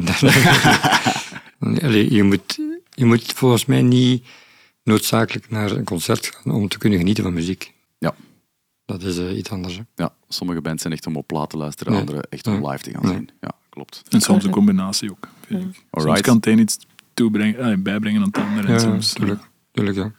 Ik kan ook niet veel naar optredens, omdat ik dat echt heel fijn vind om zo in de intimiteit, van met mijn oortjes naar, muziek te luisteren en er helemaal zo in weg te zijn. Zo, sommige bands zal ik ook niet opzetten. Mijn plaat niet opzetten in huis. Dat, dat, dat vult dan de ruimte te hard. Zo. Je wilt dat dan zo... Gelijk in een auto of in een kleine kamer naar luisteren, in de plaats van zo helemaal in een gevulde ruimte of, of op een optreden. Dat, ja, dat hoeft, het hoeft ook niet voor mij, die optredens per se. Maar ik ga wel graag naar optredens, maar het zou meestal in kleine zalen zijn Ja. of eh, obscure festivals waar je dingen ontdekt. Ik altijd eh, in mijn lijf gaat om dingen te ontdekken. Ja, en dat je dan een ontdekt en Dus- dat wordt dan dus- groot, dan heb jij ze toch maar gezien. En dat is toch wel zo ook iets spannends. De, de meeste die ik ontdek worden niet groot. Dat brengt ons naadloos bij... Ja, maar misschien moet- Festival. dan moeten we wel nog eens heel even de beste band ter wereld ah, opsommen. ja, goeie. Wie hebben we nu? Want er zijn er twee uitgekikt, twee nieuwe erin. De bassist eh, Still Stands, Brian Cook van Russian Circles. Eh, de drummer ook, Chris Penny van Dillinger. Eh, op gitaar is dan nu Frank Zappa. En dan op zang, eh, help mij, Maynard. James Keenan, ja, de zanger Voilà. van Tool. Alright. Nice. Frank Zappa nice. en de zanger van Tool erbij. Ja, Ik bedoel, hele goede band. Ja. Ik zou ze gaan zien in een obscuur clubje en hopen dat ze nooit groot worden. Hè? Ze mogen groot worden, hè. Ja. Daar heb ik absoluut geen moeite mee, maar ik zal daar niet zo op naar gaan kijken. Nee. Ja, we zien hem hier liggen, hè. De, de, de poster van Dunk. Eh Regula had daarnet ook al gezegd, het is een kei mooie ook weer dit jaar. eh Dunkfestival. Gaat door van 18, 19 tot en met 20 mei in Gent in de Vooruit. Klopt. Ja, hoe kom je eigenlijk aan zo'n mooi posterdesign, Luc? Ja, dat is een beetje gegroeid. eh. die, die kerel, is de Chabi van Error Design uit Barcelona. Die ontwierp eh, covers voor de liveplaten die we maakten van het festival. Bijvoorbeeld een plaat Russian Circles live of Pelican live Dunk hebben gemaakt. Amara ook trouwens live. En, en hij maakte altijd die, die covers ervan. En die is dan ook beginnen de posters maken. En die doet dat altijd gratis. Hij wil dat echt doen. Hij heeft hem echt wel geprofileerd als eh, vormgever in dat. En hij maakt heel veel posters. Hij zeepdrukt die meestal en de verkoop daarvan is zijn broodwinning. Dus hij, hij maakt ze gratis, maar hij verkoopt er wel een aantal die tijd dan de opbrengst van heeft. En wij mogen er ook een paar voor verkopen. Dus ehm, Echte zeefdrugs dan. Echt, Ja. eh, want dit, Nee. ja, dit dat zijn is gewoon offset. Ja, dat is gewoon, Dat is gewoon een poster. Ja. Ja, maar ik wil even, Dunkfestival, je hebt het net even vernoemd. Dus hoe dat ik het heb leren kennen is inderdaad in de bossen. Voor mij is het Zottegem, maar is het echt? Zottegem. Wel, wel zeker een deelgemeente van Zottegem. Voilà, daar. Ja. Eh, met een, een heel klein podium in een bos, tussen de bomen. Eh, een podium onder een... Zo'n camionpodium, zoals wij dat noemen. Dat Zo, eh, ben ik een keer geweest, zo'n een kleine buitenstage. Een basje. Een basje, ja. En dan een tent. Waar, waar, eh, en dan waren er drie podiums. En dat had echt een eigen... Je moest daar naartoe en je auto parkeren op de grasveld. En dat was dunk. En alle foto's die je daarvan zag passeren, was ook in de bos van dat bospodium. Want dat was het coolste podium van... allee, en dan die tent, met heel veel licht altijd. Heel veel ingezet op, op lichtshow. Ook omdat instrumentale bands, post-rock bands, dat, dat heeft daar wel een beetje een profijt bij als je dat doet. En dan plots, donderslag bij heldere hemel, dunk gaat naar de vooruit voor mij was dat wel zo van, oh, oh wat gaan die, oh, van op een afstand, Luc, met eerbied en respect, oh, wat gaan die doen? Die gaan ineens naar Gent, naar het centrum gaan, in de vooruit gaan kruipen, zo'n een, een statig hoog gebouw met vier verdiepen. Hoe gaan ze dat doen? Dus dat, Dat was voor mij eigenlijk ook wel leuk. Ja. Ik had zoiets, dat, dat zoiets feerieke, dat bos. Ik heb daar echt ja, letterlijk en figuurlijk in een bos gezeten. Ja. Eh, je kunt daar echt op je gemak chillen, pintje, eh, nog wat andere dingen eh, om, om eh, keihard te. Ja, sorry, ik ben rond de pot aan het draaien. Gewoon een jointje knallen, in een bos gaan zitten en eh, achteruit leunen en genieten van het optreden. Dat vond ik echt de max aan Dunk Festival op die locatie. En ik had ook wat moeite met de switch. Maar je zei het hier nu, waarom hebben we die switch ooit gemaakt? Om diverse redenen. Bijvoorbeeld dat bospodium lag in natuurgebied. Eh agentschap Bos en Natuur was dus aan het, het volgen met Aruzo-ogen. We hadden er al een beperking gehad van eh, een weide dat we niet mochten gebruiken voor camping of parking. Dat was ook bosgebied. Dan de grond waar dat de tent op staat. De eigenaar was eigenlijk van plan om daar eh, cabins op te zetten. De, het gebouw was volledig herbouwd naar studios. Konden we ook niet meer gebruiken als refter. En we waren een iets te groot sociaal gebeuren aan het worden, dat we niet meer in de hand hadden. Dus we wouden weer meer focussen op muziek. En ik- Minder, minder op entourage. Want al dat er was, moesten we noodgedwongen doen. Een camping moesten we maken, want er zijn geen hotels in Zottegem. Een parking moesten we creëren, en, want er is geen parking in de buurt. En we doen allemaal gratis natuurlijk, want ja, we leggen de lat hoog voor het ticket. Die prijs was vrij hoog. Maar keer daar zijt, is het alles redelijk. We gaan dus ook eh, gratis ontbijten al. En dat, dat ging rond, ik weet dat. Maar gaat het daarom? Of gaat het om muziek presenteren in de zo goed mogelijke omstandigheden? Want, allee, Voilà. Ik, hem, ik, ik was er op die nieuwe Dunk Ja. eh, in de vooruit. En ik heb er daar, daar die show gezien, de beste van 2022. eh, in, in, in de zaal waar ik al twintig keer geweest was. En toch is het mij nog gelukt om, mij om, om ver te blazen daar. En ik snapte het wel als ik er was. Ik, ik vooraf denkte van, allee, waarom geeft u een bos op? En er was ook online wel wat fuzz over, als ik me goed herinner. Er wel mensen die, daar een mening over hadden. En nu heb ik het u horen uitleggen. En ik ben blij dat je de kans eens krijgt om het uit te leggen. Ook al is het misschien al te laat. Eh, en Dunk in de vooruit is echt... dat klopt echt. Als je van boven naar boven wandelde en je ging daar Schemer zien van Mathieu... Hm. Ehm, Mathieu, de gitarist, die, ja, voilà, de gitarist van Amen Ra heeft een Ja. zijproject Schemer, hè, inderdaad. Ja. In, van boven op het tak, eh, in het tak van de vooruit, dat klopte perfect met die setting. Als je van onder naar eh, Year of No Light eh, was de band die mij omver heeft geblazen toen, een Franse band, eh, dat klopte ook perfect. En alles daartussen ook eigenlijk. En als je dan de faciliteiten er rond nog, zoals je het uitlegt, ja, dan, dan, dan ben ik blij dat je durft veranderen en dat je die stappen Hm. durft zetten. Dat was eigenlijk altijd onze droom, hè, om, om gewoon verschillende podia, dat mensen kunnen kiezen, dan ze kunnen sappen van het ene podium naar het ander. Ja, ja dat Maar- kunnen daar perfect. Ja. En, en de site is er nog altijd nu. Allee, ik ben er dan geweest, eh, want toen wil ik het ook... eh, ik wil nog een muziek luisteren, maar ook eh, over de vinylperserij even hebben. Want Dunk is niet alleen het festival. wat het straks gezegd is, ze hebben daar een, een plaatje beton gegoten en een vinylperserij opgebouwd. Toen met die livestreaming in 21 of in 22, 21. 21 eh, zijn we daar geweest. Dat was de eerste keer dat ik daar kwam. Ik kreeg direct een rondleiding in de vinylperserij.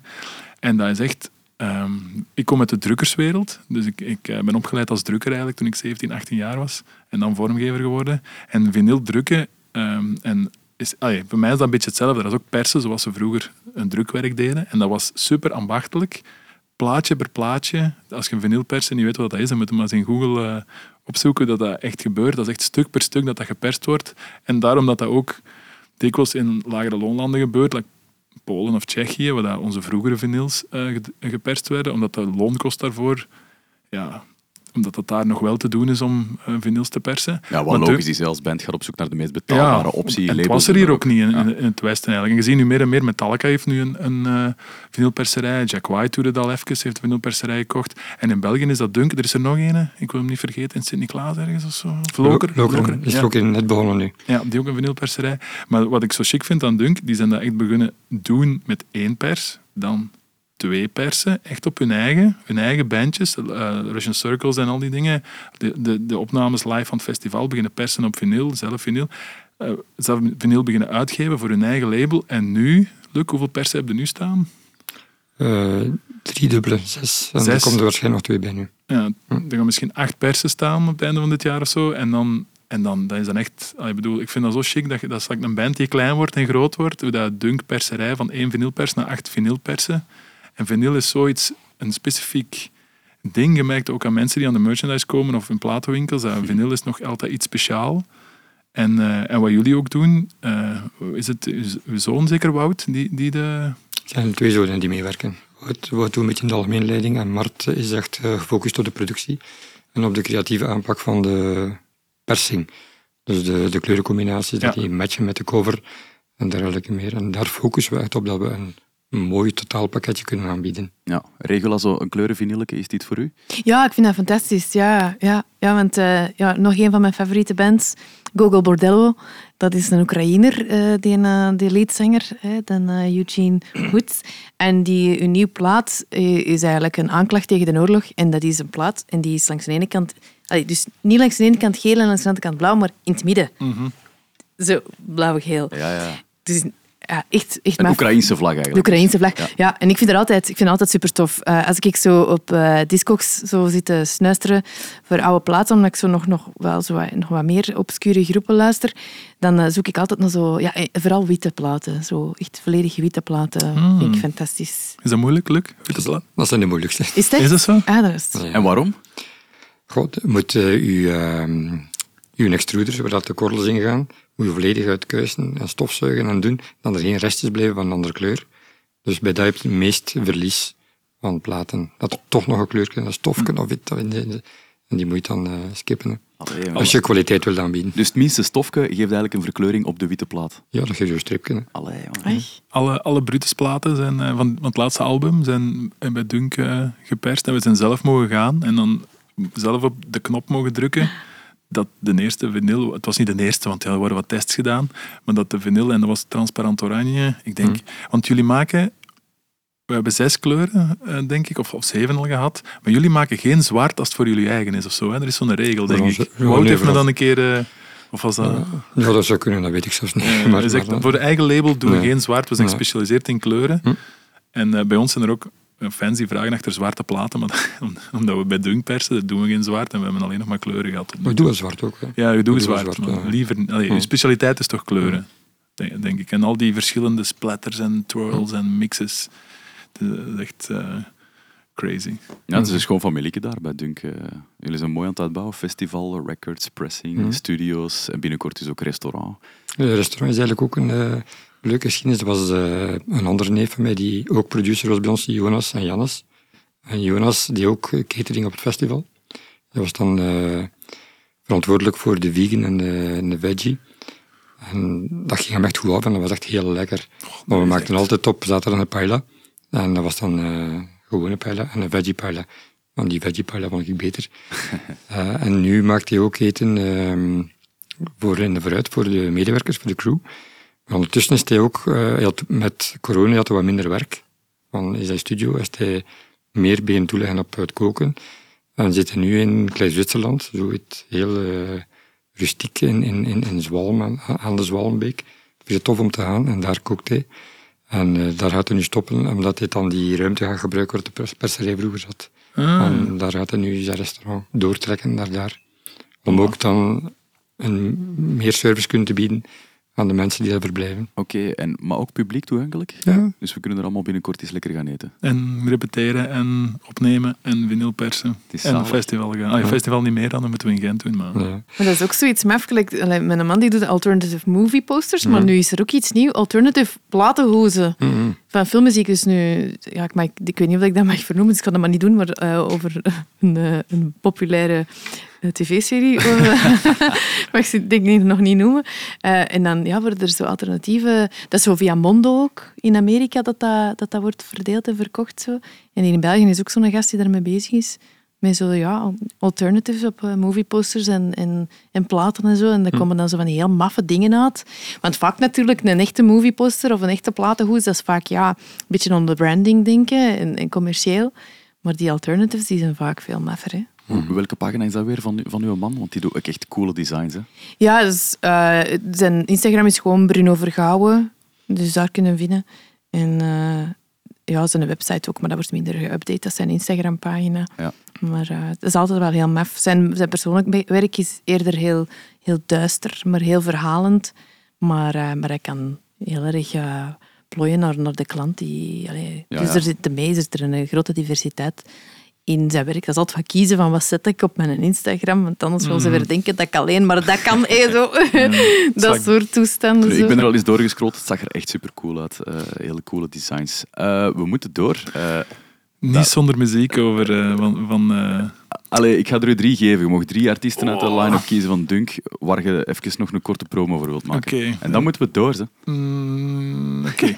Oké, oké. Dat is hier eh, heftig. Eh, de eerste heb ik toch klaarstaan al, is Year of No Light, die mij vorig jaar omver hebben geblazen. Ah. Franse band. Die kwamen op als zes boekhouders, als ik dat zo mag zeggen. Misschien heeft dat ook een beetje bijgedragen aan waarom ze mij omver hebben geblazen. Ik kende de platen. Ik ging, stond daar en ik dacht, we gaan die mannen hier doen. Het licht aan, gewoon, ja, als, gewoon boekhouders. En die eerste noot valt in en ik was gewoon ondersteboven voor een uur. Dat was echt mega goed. Een van die gasten komt nu terug. Lacustre.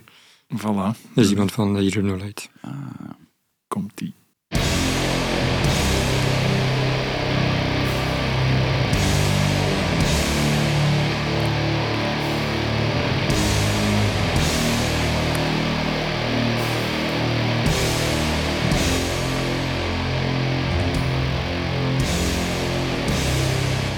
Nu, het is heel moeilijk om 10 minuten songs in een podcast snel laten te komen. Dus ik wil de naam droppen en iedereen die luistert moet gaan checken naar Year of No Light. Ja. Austerweld, die plaat. Ehm, Caspian speelt, ga ik even skippen. Eh, een Hollandse band eh, die we zijn tegengekomen op tour, Cold. Toen die uitkwamen dacht ik, amai, die doen iets nieuw, die doen iets cool, die doen iets speciaal.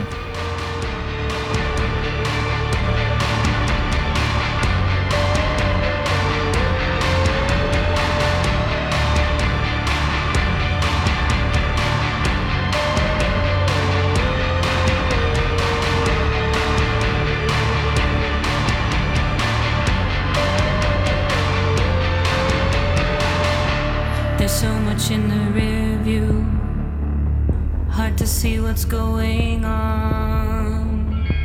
It hasn't been this blurry before.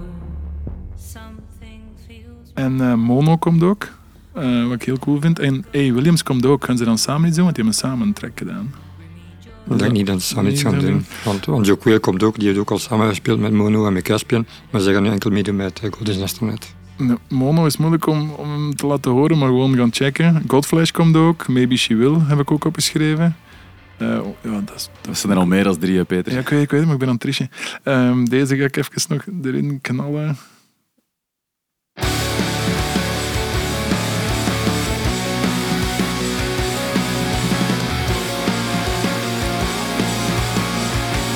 Gewoon om te laten horen dat het echt...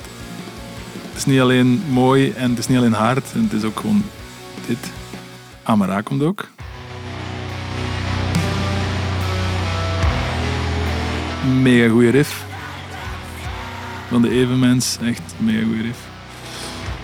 En ik wil toch nog Luc vragen. Motek, kun je daar iets over vertellen? Want Motek staat er nu terug. Motek is zo voor mij, en ook in onze band in Brutus, een beetje een mythische band. Als Stefanie en Stijn het over Motek hebben, dan is het altijd het Motek. En Motek komt en Motek is terug. En mij is dat gepasseerd. Ik- Ja, ze zijn jonger dan ik, maar toch ja, ben ik er te oud voor of zo, ik weet niet. Motek stond op de tweede editie al. Ehm, die waren dan ook bij ons op het label gekomen. Maar kort na hun laatste release zijn die gestopt. Eh, de jus was er een beetje uit. Ehm, en Wout doet licht in de domzaal, normaal. En vorig jaar deed hij ook licht in de domzaal. En hij kreeg weer goesting om te spelen. En we hebben gezegd van... Wout speelt bij Motek. Is, Wout- nee, nee, niet, Wout, mijn zoon. Hè. Nee, Wout nee. Roeland. Ja, Wout Roeland, Oh, dat is Motek. Ja. En eh, toen zei hij, ja, kom, of kom volgend jaar. Hè. En hij is dan beginnen uh, verpijzen en doen. En kijk, en uiteindelijk zei hij van, ik kom. Dus heeft de mensen kunnen motiveren. Eigenlijk een van de eerste eh, samenstellingen van de band die, die komen. Dus ik kijk er ook heel erg naar uit. Eh, heel, ja, heel goed. Maar Dus, eh, ik ben zelf geen kenner, maar ik heb mij laten influisteren dat ik dat zeker moest, eh moest ja, denk pluggen. die, denk die een kleine tien jaar stil liggen hebben. Ja. Dus, eh, Maar ik denk wel met die tracks dat je nu hebt laten horen, dat Dunkfestival echt een heel wijde programmatie heeft. Veel Dus- Belgisch ook, hè? Ja. Motek, Divided. eh, nee, nu ben ik verkeerde lijstje aan het lezen. Huracan. Eh, eh, Himshi. Ook veel Belgische bands die ik niet kende. Wat helemaal niet erg is, maar wel blij dat jij ze kent en dat jij ze een podium geeft. Dat vind ik mega chic. Dat is het vooral, hè, Luc? Ja. Ja. inderdaad. Dat jullie ook niet kijken naar populariteit of dit of dat. Het is een gevoel, zoals je daar straks helemaal op begin hebt gezegd. Hè. ja, zeker in tegendeel van... eh, we zoeken eerder de, de minder gekende. Nice. 18, 19 en 20 mei, dus eh, in de vooruit moeten we zijn voor Dunkfest. Yep. Zou wel zijn. En die nice line-up. Dan hebben we nog één ding op programma staan dat echt wel heel belangrijk is. En dat is een verjaardag. Nu zouden we zeggen van, allee, een verjaardag in een podcast, waarom is dat zo belangrijk? Ja, omdat het niet zomaar een verjaardag is. Hè, Peter? Nee, het is eh Josh wordt 50. En welke Josh? Eh Josh Homie. ik heb het gisteren nog eens eh geYouTubed. Echt? Eh, ik zeg ja. altijd Josh Hom. Nee, het is Homie. Wat denken jullie, Regula en Luc? Dus De frontman van Queens of the Stone Age, is het Josh Hom of Josh Homie? Nog nooit over nagedacht eigenlijk. het is Homie. Ja, dat, is zo, dat is muziek. Ik heb daar niks tegen, maar ik heb er ook niks mee per se. Zo. Ah ja, ik zet dat, zet dat niet af of zo, maar ik vind dat wel oké. hè, maar, maar het is niet dat ik er nou ooit iets van ga kopen of zo. Ja, laat staan hoe dat je de, band, allee, de, de mensen Ja, de naam uitspreekt. Dat Nee, voilà, ik moest even, even echt gaan googlen toen. Ja. Ja. Ik vind wel, ik heb een klein beetje hetzelfde. Ik ken wel, de, ja, iedereen kent de Queens, hè? Tuurlijk. eh, Ik bedoel, iedereen kent de Queens of Stone Age en Josh Homme ook. Maar zo, ik moest ook zo denken van, ja, wat, wat doet hij mij nu eigenlijk? Of zo. En als ik erover nadenk, denk ik, hij doet mij wel veel. Zijn bassist doet mij veel. Heel de, cult rond een band doet mij veel. De samenwerkingen, de artiesten, Dave Grohl heeft hebben gedrumd en al die dingen. En vooral, het is niet alleen Queens of the Stone Age, het is ook Caius, daar is daar Ja. begonnen voor Josh Homme. En dat is wel de reden waarom dat hij hier ook vandaag echt zeker aan bod moet komen. Ja, die gast wordt 50 jaar en dat is echt een legende. Dat is de coolste ginger op aarde of zo. Ik heb die ooit op Rock Werchter gezien in 2007 en dan zo'n bekend eh, ja, fratske dat hem zo zingt op, eh, op een riff van Queens of the Stone Age. Everybody knows you dance like you fuck, you dance like you fuck, you dance like you fuck. En ik was 15 jaar en ik dacht zoiets van, ik wil die kerel zijn. Dat is, dat is, dat. Die kwam op in een bontjas met zo'n wandelstok, met zo'n glimmende eh, bol op. Zo. En, en dat was voor mij echt heel lang het optreden. eh, ja, het beste optreden dat ik in mijn leven heb gezien. En hij was er ook wel aan het lallen over Amy Winehouse en zo. Eh, if she took as much drugs as I did, she'd be a dead girl. En ik denk, een, een maand later of zo was Amy Winehouse dood. Dus oh. Er zat dan zo'n randje aan. Maar dat is de kerel van de, de heavy uitspraken. En die straalt echt rock'n'roll uit. Die heeft heel veel drugs gepakt in zijn leven, maar die kan ook gewoon keigoed spelen, keigoed zingen in Kai's in Queens of the Stone Age. Ik heb daar keihard respect voor. Ik vind dat een hele grave gast. Er zijn rockstars die het serieus kunnen uithangen. Ja, En die bad boys kunnen zijn en zo. Maar bij Josh Homme vind ik wel dat het in balans is of zo. Hij, hij levelt het wel uit met wat een muzikaal delivert en wat zijn bands deliveren en zijn zijprojecten en waar het hem dan aan meewerkt. En daardoor, ja, dat, dat vind ik nu wel. Ik, had, ik moest ook zo denken, Josh, Josh Homme, waardig ouder worden. Of zo moest ik zo denken. Van, amai, die gaat eh, 50 en ziet hem daar staan en... Oké, eh, Metallica is ook oud, maar Josh Homme, hij, hij, doet het, hij doet het toch maar. het is zo. Het is zo. Eh, we hebben ook een kinder meegebracht vandaag voor Josh Homme. Ja, Speciaal Ja. daarvoor. Ja, dus eh, dus ik heb niet zoveel met de Queens of met Josh Homme, maar ik heb wel veel met Peavy. En Peavy is een eh, gitaarversterker amp en ik ga heel geeky worden, maar onder de lockdown was niet zo'n gemakkelijke tijd voor muzikanten en voor mij ook niet. En ik heb me gestort op tweedehands en de tweedehands uit Frankrijk en de tweedehands uit Duitsland en de tweedehands uit Engeland en overal, alle tweedehands websites. En ik ben like een gek Peavy-versterkers beginnen opkopen. Zonder eigenlijk na te denken, gewoon omdat Peavy eigenlijk cheap is. Dat was de Marshall, maar dan goedkoop gemaakt en steviger gemaakt en dat ging niet kapot. En ik heb uit Frankrijk een keer een versterker ehm, gekocht voor 30 euro, shipped tot mij thuis. Zo een modelletje dat ik nog niet had, een PV Decade. 30 watt, mini klein ding, zo groot als, ja, als een tv, als een oud tv-toestel zo.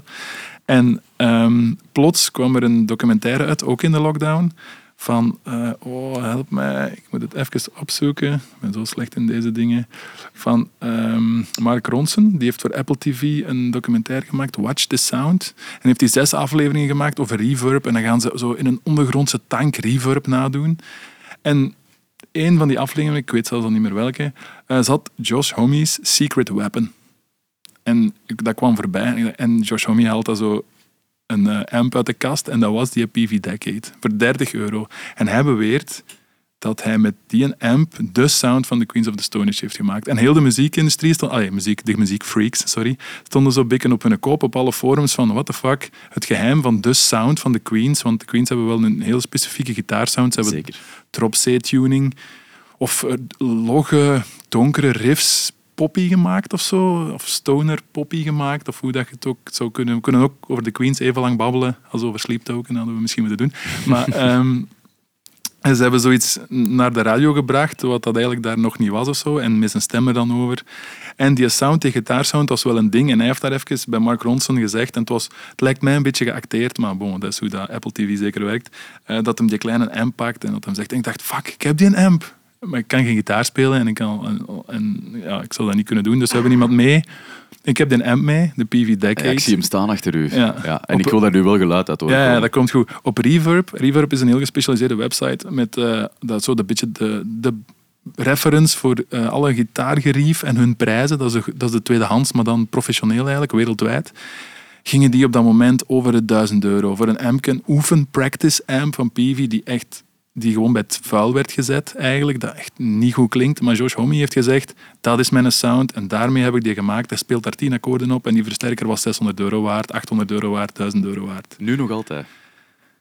Ja, ze staan er nog op, maar wie koopt dat dan? Dat is dan de vraag. De freaks, eh, die gaan dat dan wel kopen. Ik heb er Jij, 30 euro... Ja, maar niet voor 600 euro, Thomas. ik heb er 30 euro aan gegeven en hij staat daar. Ik ga hem nooit wegdoen. Ik heb hem wel vandaag meegebracht, maar dan gaat hem terug mooi eh, te schuiven in.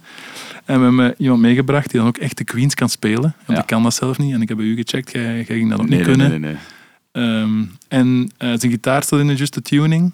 Eh, Timmy, kom je erbij? zijn gitaar staat in de juiste tuning en hij gaat gewoon de PV Decade zetten zoals Josh. En dan gaan we eindelijk weten, want ik kan het niet testen, want ik speel bas, of dat het klinkt zoals eh, like the Queens. Oké, heel Ik vond het wel spannend. tof om eens te doen. Dus we gaan hier nu ontdekken of dat uit die kleine...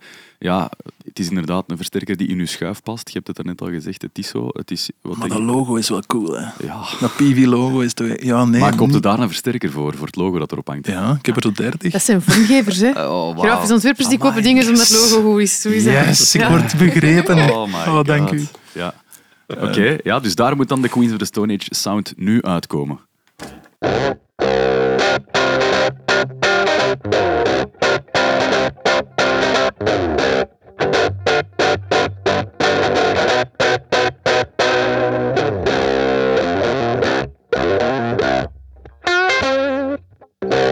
Ja, damn. Ja, toch, hè? Dat is kei, dat is kei zot. Dat Dat is wel niet echt een hoax dan, hè, de- die PV Decade amp. Nu, er staan nog niet hoeveel documentaires op, eh, op YouTube over die sound. Je moet maar eens googlen. Dat is echt, eh, en, de producer heeft dan ooit een filmpje gemaakt en dat moest dan van de band weer verwijderd worden omdat hem te veel geheimen had wij- eh, vrijgegeven. En er is een hele Reddit-pagina vol over geschreven. Speel nog maar wat, Tim. Ja, ik wou net zeggen, we hebben No One Knows al gehad.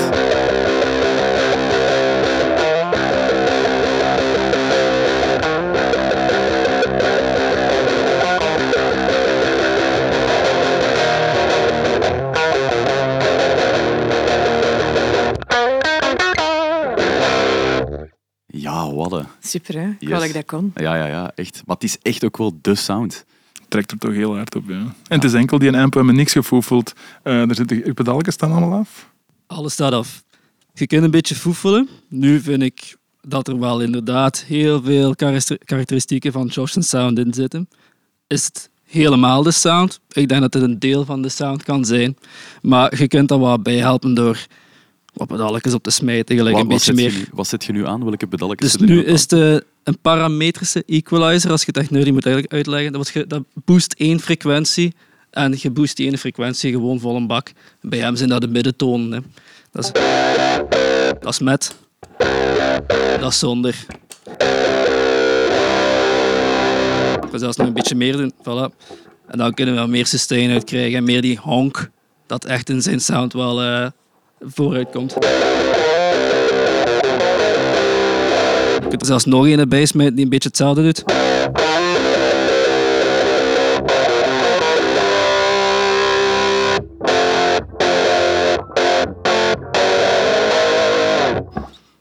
Ja, graaf. Er is, één, er is één nummer van Queens of the Stone Age dat mijn allerfavoriet is. Regular John. Kunnen die geven? Zeker, vast.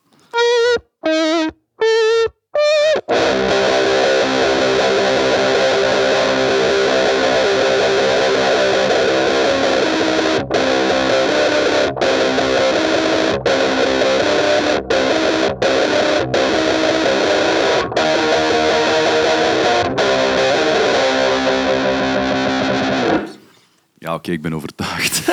PV Decade. En, PV eh, Decade. en Timmy zijn vingers natuurlijk. En de tuning, dat is ook wel een ding. Hè? Ah, wel ja. Dus ze hebben veel nummers in gewoon E-standaard, maar de echte feel zit wel, eh, zeker de vintage Kotza feel zit in de C-standaard. Dat is hetzelfde als E, gewoon alles twee stappen lager. Dus dat is E-standaard, klinkt hier. Heel braafjes. Beetje doorperen op C klinkt... Klinkt zo. Ja. Zo beter gezegd. ja. Twee, twee tonen lager. Ja. Twee, twee tonen lager dan eigenlijk wat dat je eh, in een gewone gitaar, als je die vastpakt straks, eh, dan klinkt dat zo. Maar de Queens hebben het allemaal wat lager gedraaid, waardoor het wat, wat, wat, wat stoner, wat cooler en wat, ja, wat beter klinkt. Zeker. Nice. Ik denk dat de Josh heel blij mag zijn. Hij is jarig op 17 mei, denk ik. Oh ja, 17 ja, mei. Ja. dat moeten we nu toch wel hebben. Hè? Die exacte datum dat hem 50 wordt. 17 mei. Ja, het is 17 mei. We hebben hem echt speciaal in de bloemetjes gezet. Merci, Timmy. Ja. Met plezier. Voilà, zalig. Op een Supercool. PV Decade en nog een paar extra middentoonfrequenties. En uh, hopla. Ja, kijk goed. Oké, dan zijn we aan eh, de 666. Dat is eigenlijk onze rubriek waar we altijd mee afsluiten. Dat zijn er zes om te zien, zes om te weten en zes om te horen. En 666, ja, number of the beast. Dat moeten we natuurlijk wel in onze zware klap erin steken. Eh, Peter, take it away, want jij begint met eh, de zes om te zien. Yes, ik ga het zo snel mogelijk doen, Thomas. In de maand mei. Eh, vrijdag 5 mei, Show Me The Body, komt met Ronker en Wrongman in de Chinastraat in Gent. Eh, dat is een heel cool locatie. Dat met Brutus een van de beste shows ooit gespeeld. En eh, Return Bookings, die doen heel veel coole dingen, die organiseert dat. Boris, dat is een Japanse noise band, staat met Puppel Slicer in eh de Trix op 10 mei. En de gitariste van Boris, Wata, die heeft daar een eigen fus. En dat is echt een droom bij mij. Dus daarom dat ik die heb ingezet. En Puppel Slicer heb ik een shirt van gekocht, de Broadburn. Sabadon staat met Lordi en Baby Metal. samen met drie. Dus dat is een verkleedfeest, als ik dat zo mag zeggen. Ehm, in het Sportpaleis op 13 mei, wat ook wel echt zot is, dat je het Sportpaleis... Allee, misschien moeten we ook eens een aflevering doen over eh, verkleed... eh, ik noem het nu heel denigrerend verkleedbands, maar bedoel bands die, ja, die dat zo doen. Dat is gewoon inleving, hè, Peter. Inleving, Voilà. inlevingsbands. Eh, dat is op 13 mei in het Sportpaleis. Op, eh, van 18 tot 20 mei is het Dunk, wat we het al over gehad hebben. Dan op 26 en 27 en 28 mei ontdekte ik eigenlijk zo twee overlappende, echte, ik noem dat dan echte metalfestivals. Je hebt Antwerp Metal Fest op, 26 en, op 27 en 28 mei in Antwerpen, maar je hebt in Holland ook Graveland Festival. En eh, wie staat daar allemaal op die twee gecombineerd? Ik smijt het nu even door elkaar. Paradise Lost, Rotting Christ, Ru- Ruins of Bavarast heb ik contact, vond ik mega vet. Eh, Coffin Feeder ook. Shiloh is een hele coole band. Do or Die, Carnation. Alle, ja, ik noem dat dan echte metal, sorry daarvoor, staat daar. En op zondag 28 mei, dat is de zesde, eh, als uitsmijter, eh, de Distillers in Tricks. En waarom de Distillers? Omdat Brody Dale is de ex van Josh Homme. En die zit in de Distillers natuurlijk. En dan ja, moet er iemand maar eens gaan vragen hoe dat, dat zit met die hoederecht van die kinderen. Want in de gespecialiseerde pers wordt daar wel serieus over eh, geroddeld over Josh. En eh, Brody en de kinderen en het goede recht. Oké, ja, maar je hebt gewoon een insteeks gevonden over onze Josh met zijn vrouw, Ja. die dat dan hier in België komt spelen. Ja, en want op dat moment, op 28 mei, spelen wij, wij, wij gaan naar Amerika, met de Queens in het Boston Calling Festival. Dus ik zit met Josh Homme in Boston. Als jij naar de Distillers gaat, hier een tricks. Wat Oké, je? ah, wel, we gaan proberen om een selfie te pakken. Ik dan met de vrouw van de Josh, of de ex-vrouw dan. Oh my god, ik durf En dat jij wel met de niet, hè. Josh. Ik durf dat niet. dat van mij is iets makkelijker, ik ik. durf echt niet aan Josh Homme een selfie vragen. Maar ik, zal, ik ga proberen voor u. Voilà. Ik ga proberen. Voilà, dat worden er zes om te zien. Heel goed. Dan zes om te horen. Ja, er is een nieuwe hardcore. Eh, er is zo een hele coole band, Drain. En eh, die komen ja, met Living Proof. En dat komt uit op 5 mei. Eh, Dave Lombardo die gaat met de Rights of Percussion eh, solo de hele experimentele tour op. Dat komt ook uit op 5 mei. Dan is er eh, Cattle Decapitation. Eh, dat is ja, Dead Grind, om er maar een label op te kleven. Het, klinkt echt super brutal. Cattle Decapitation komt uit op eh, 12 mei. En dan is er Sleep Token, hè, die plaat waar we het daar straks hebben over gehad. Take Me Back to Eden.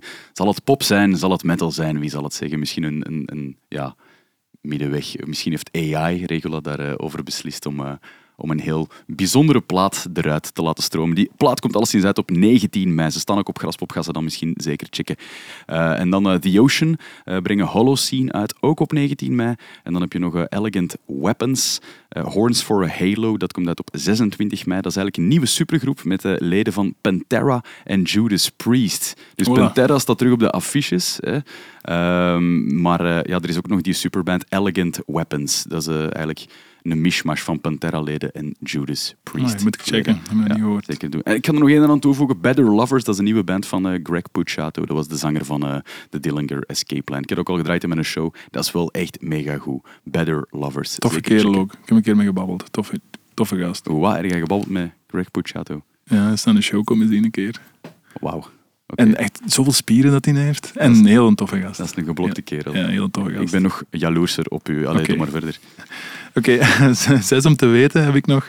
Op 8 mei is het Motorhead Day. En ik dacht, waarom 8 mei? Maar dat is van The Ace of Spades. En dat is eigenlijk dan... Eight of May, the Eight of May. Was Voilà. dat, hè? Ja. Ja, en Channel Zero ehm, speelt deze maand ook nog drie uitgestelde AB-concerten die eigenlijk voor hun 40-jarig bestaan waren van 30. 30. Dat is het tikfoutje. Ah, echt 30, serieus? Thanks, Thomas. Eh, en dat is eigenlijk nu nog eigenlijk een uitgesteld coronaconcert. Dus ik hoop dat dat echt de laatste uitgestelde coronaconcerten ter wereld zijn die nog moeten gespeeld worden en dat we dat dan dat spel kunnen begraven. Ja, ja. Het is ook als je, als je de Frankie er iets over vraagt, is het zo van, ja, dat is voor ons 30 jaar. En dan door de corona, en dan begint het altijd terug daarover. Ja, dat is erg, hè? Zo jammer, hè? Spijtig dat ik dat gedaan heb. Ja. Maar ik wil En nu zit je ook bezig. Ja, voilà. Het gaat er weer al over, hè. De dikke. Ehm, eh, ook eh, het vermelde waard, eh, Chop van System of a Down heeft 1 miljard streams gehaald. Voilà. En in namen staat een standbeeld van Brian Johnson van ECDC, omdat hij daar, en dat is deze maand onthuld, of pas onthuld, omdat hij daar in 1980 zijn eerste concert met de band heeft gespeeld. En dat is een heel ding, op VRT staat een stuk, dat dan de fans zijn gaan lobbyen bij het gemeentebestuur en dan de burgemeester, en dat er nu zoveel jaar later dus een plein is en een standbeeld opgedragen aan ECDC. En het- In namen. En het grappige is, Brian Johnson had verwacht dat hij daar een boegroep en tomaten in zijn gezicht ging krijgen, maar die had hier in namen, de Belgen waren zo vriendelijk in 1980, dat allemaal pancartes gemaakt stonden in het publiek. Welcome Brian. Voilà. Zalig toch? Dat is- Hoe dat cool is- dat? Als je Bon. Scott moet gaan vervangen bij ACDC, is dat toch het welkom waar dat je op hoopt. Wel, voilà. Hij heeft nog een standbeeld erbovenop gekregen. Voilà, nice hè. Ik zag, ik zag de foto, het was cool. Ik ga wel eens langs gaan. En ehm, dan nog, omdat het de verjaardags van Josh Home aflevering is. eh, de 17 mei verjaart Josh Home, maar ook Trent Reznor van Nine Inch Nails op, Nine Inch Nails op dezelfde dag. En op 16 mei eh, verjaart de broer van Thomas, Thomas. Ja, dat is waar. En wie nog? Ehm, uw mama. Mijn mama. Dus gelukkige verjaardag, mama. Gelukkig verjaardag, Erik. Voilà. En mijn pa verjaart ook in mei. Die wordt 80 op 1 mei. Valasse. Dat vind ik ook wel een coole om Dan te komt de podcast uit. Ja, dat is vandaag dus eigenlijk. Ja, inderdaad. Dit is nu jarig eigenlijk, uw pa. Is goed, dat was de 666. We hebben het een beetje uitgebreid. Maar eh, ja, Regula en Luc, vooral jullie, dikke merci om hier vandaag aanwezig te zijn. Vond het een beetje tof, Regula? Superleuk. Ik hoop dat ik nog eens mag terugkomen. Ja, Hopla. van mij wel eigenlijk. Van mij ook. Luc, vond het ook plezant? Wederzijdse dank, zou ik zeggen. Ja? Onvrijwijs, ja. Oké, nice. Ik wens u veel succes ook met Dunkfest voorlopig nog. Hopelijk ooit op een mooie dag, Dunkfestival. Zijn er nog tickets, Luc? Zijn er nog tickets? Ja, ja, ja. Zijn nog tickets. Allemaal gaan Zeker. en checken in de playlist. Zeg, en, eh, ik heb eh, zowel van Thomas als van Peter de plaat meegebracht. Ik zou graag hebben dat je die ook signeert voor mij dan. Oké, oké, is goed, ik wil dat doen. Gaan we dat doen? Ik zie ze hier liggen. Ja, Ja, Dus ze liggen hier. De Regula heeft een. Brutusplaat meegebracht, een Psychonaut-plaat en je hebt zelfs eigen stiften meegenomen. Ja, want dat is een donker plaat, dus dat heeft een lichte stift nodig. En dat is een lichte plaat. Oh my dus god, je bent een vormgever? Vormgever. Yes. Allee, goed. Oké, cool. Dikke merci. Zeg, en wie wil mijn gitaar leren spelen? Ja, eh, Timmy misschien, want eh van Queens riffen, want eh, ik kan niet, sorry, maar ik kan geen gitaar spelen. Nee, Ik speel bas. Bas. Ja. Dat is veel cooler. Ik ben origineel wel gitarist, dus ik kan u nog een paar eh, Kurt Cobain riffs wel aanleren. Daar teken ik voor. Ja? Allee, voilà. Kijk, dat is afgesproken. Eh, merci om te luisteren naar de tweede aflevering van Zware Klap. Eh, wij waren weer Peter Mulders en Thomas Michiels. Eh, en we hadden het leuke gezelschap van Luc Lieves, de organisator van Dunkfest. En van Regula natuurlijk, bekend van Bake Off, maar ook een metalhead in hart en nieren. Merci om erbij te zijn. Met veel plezier.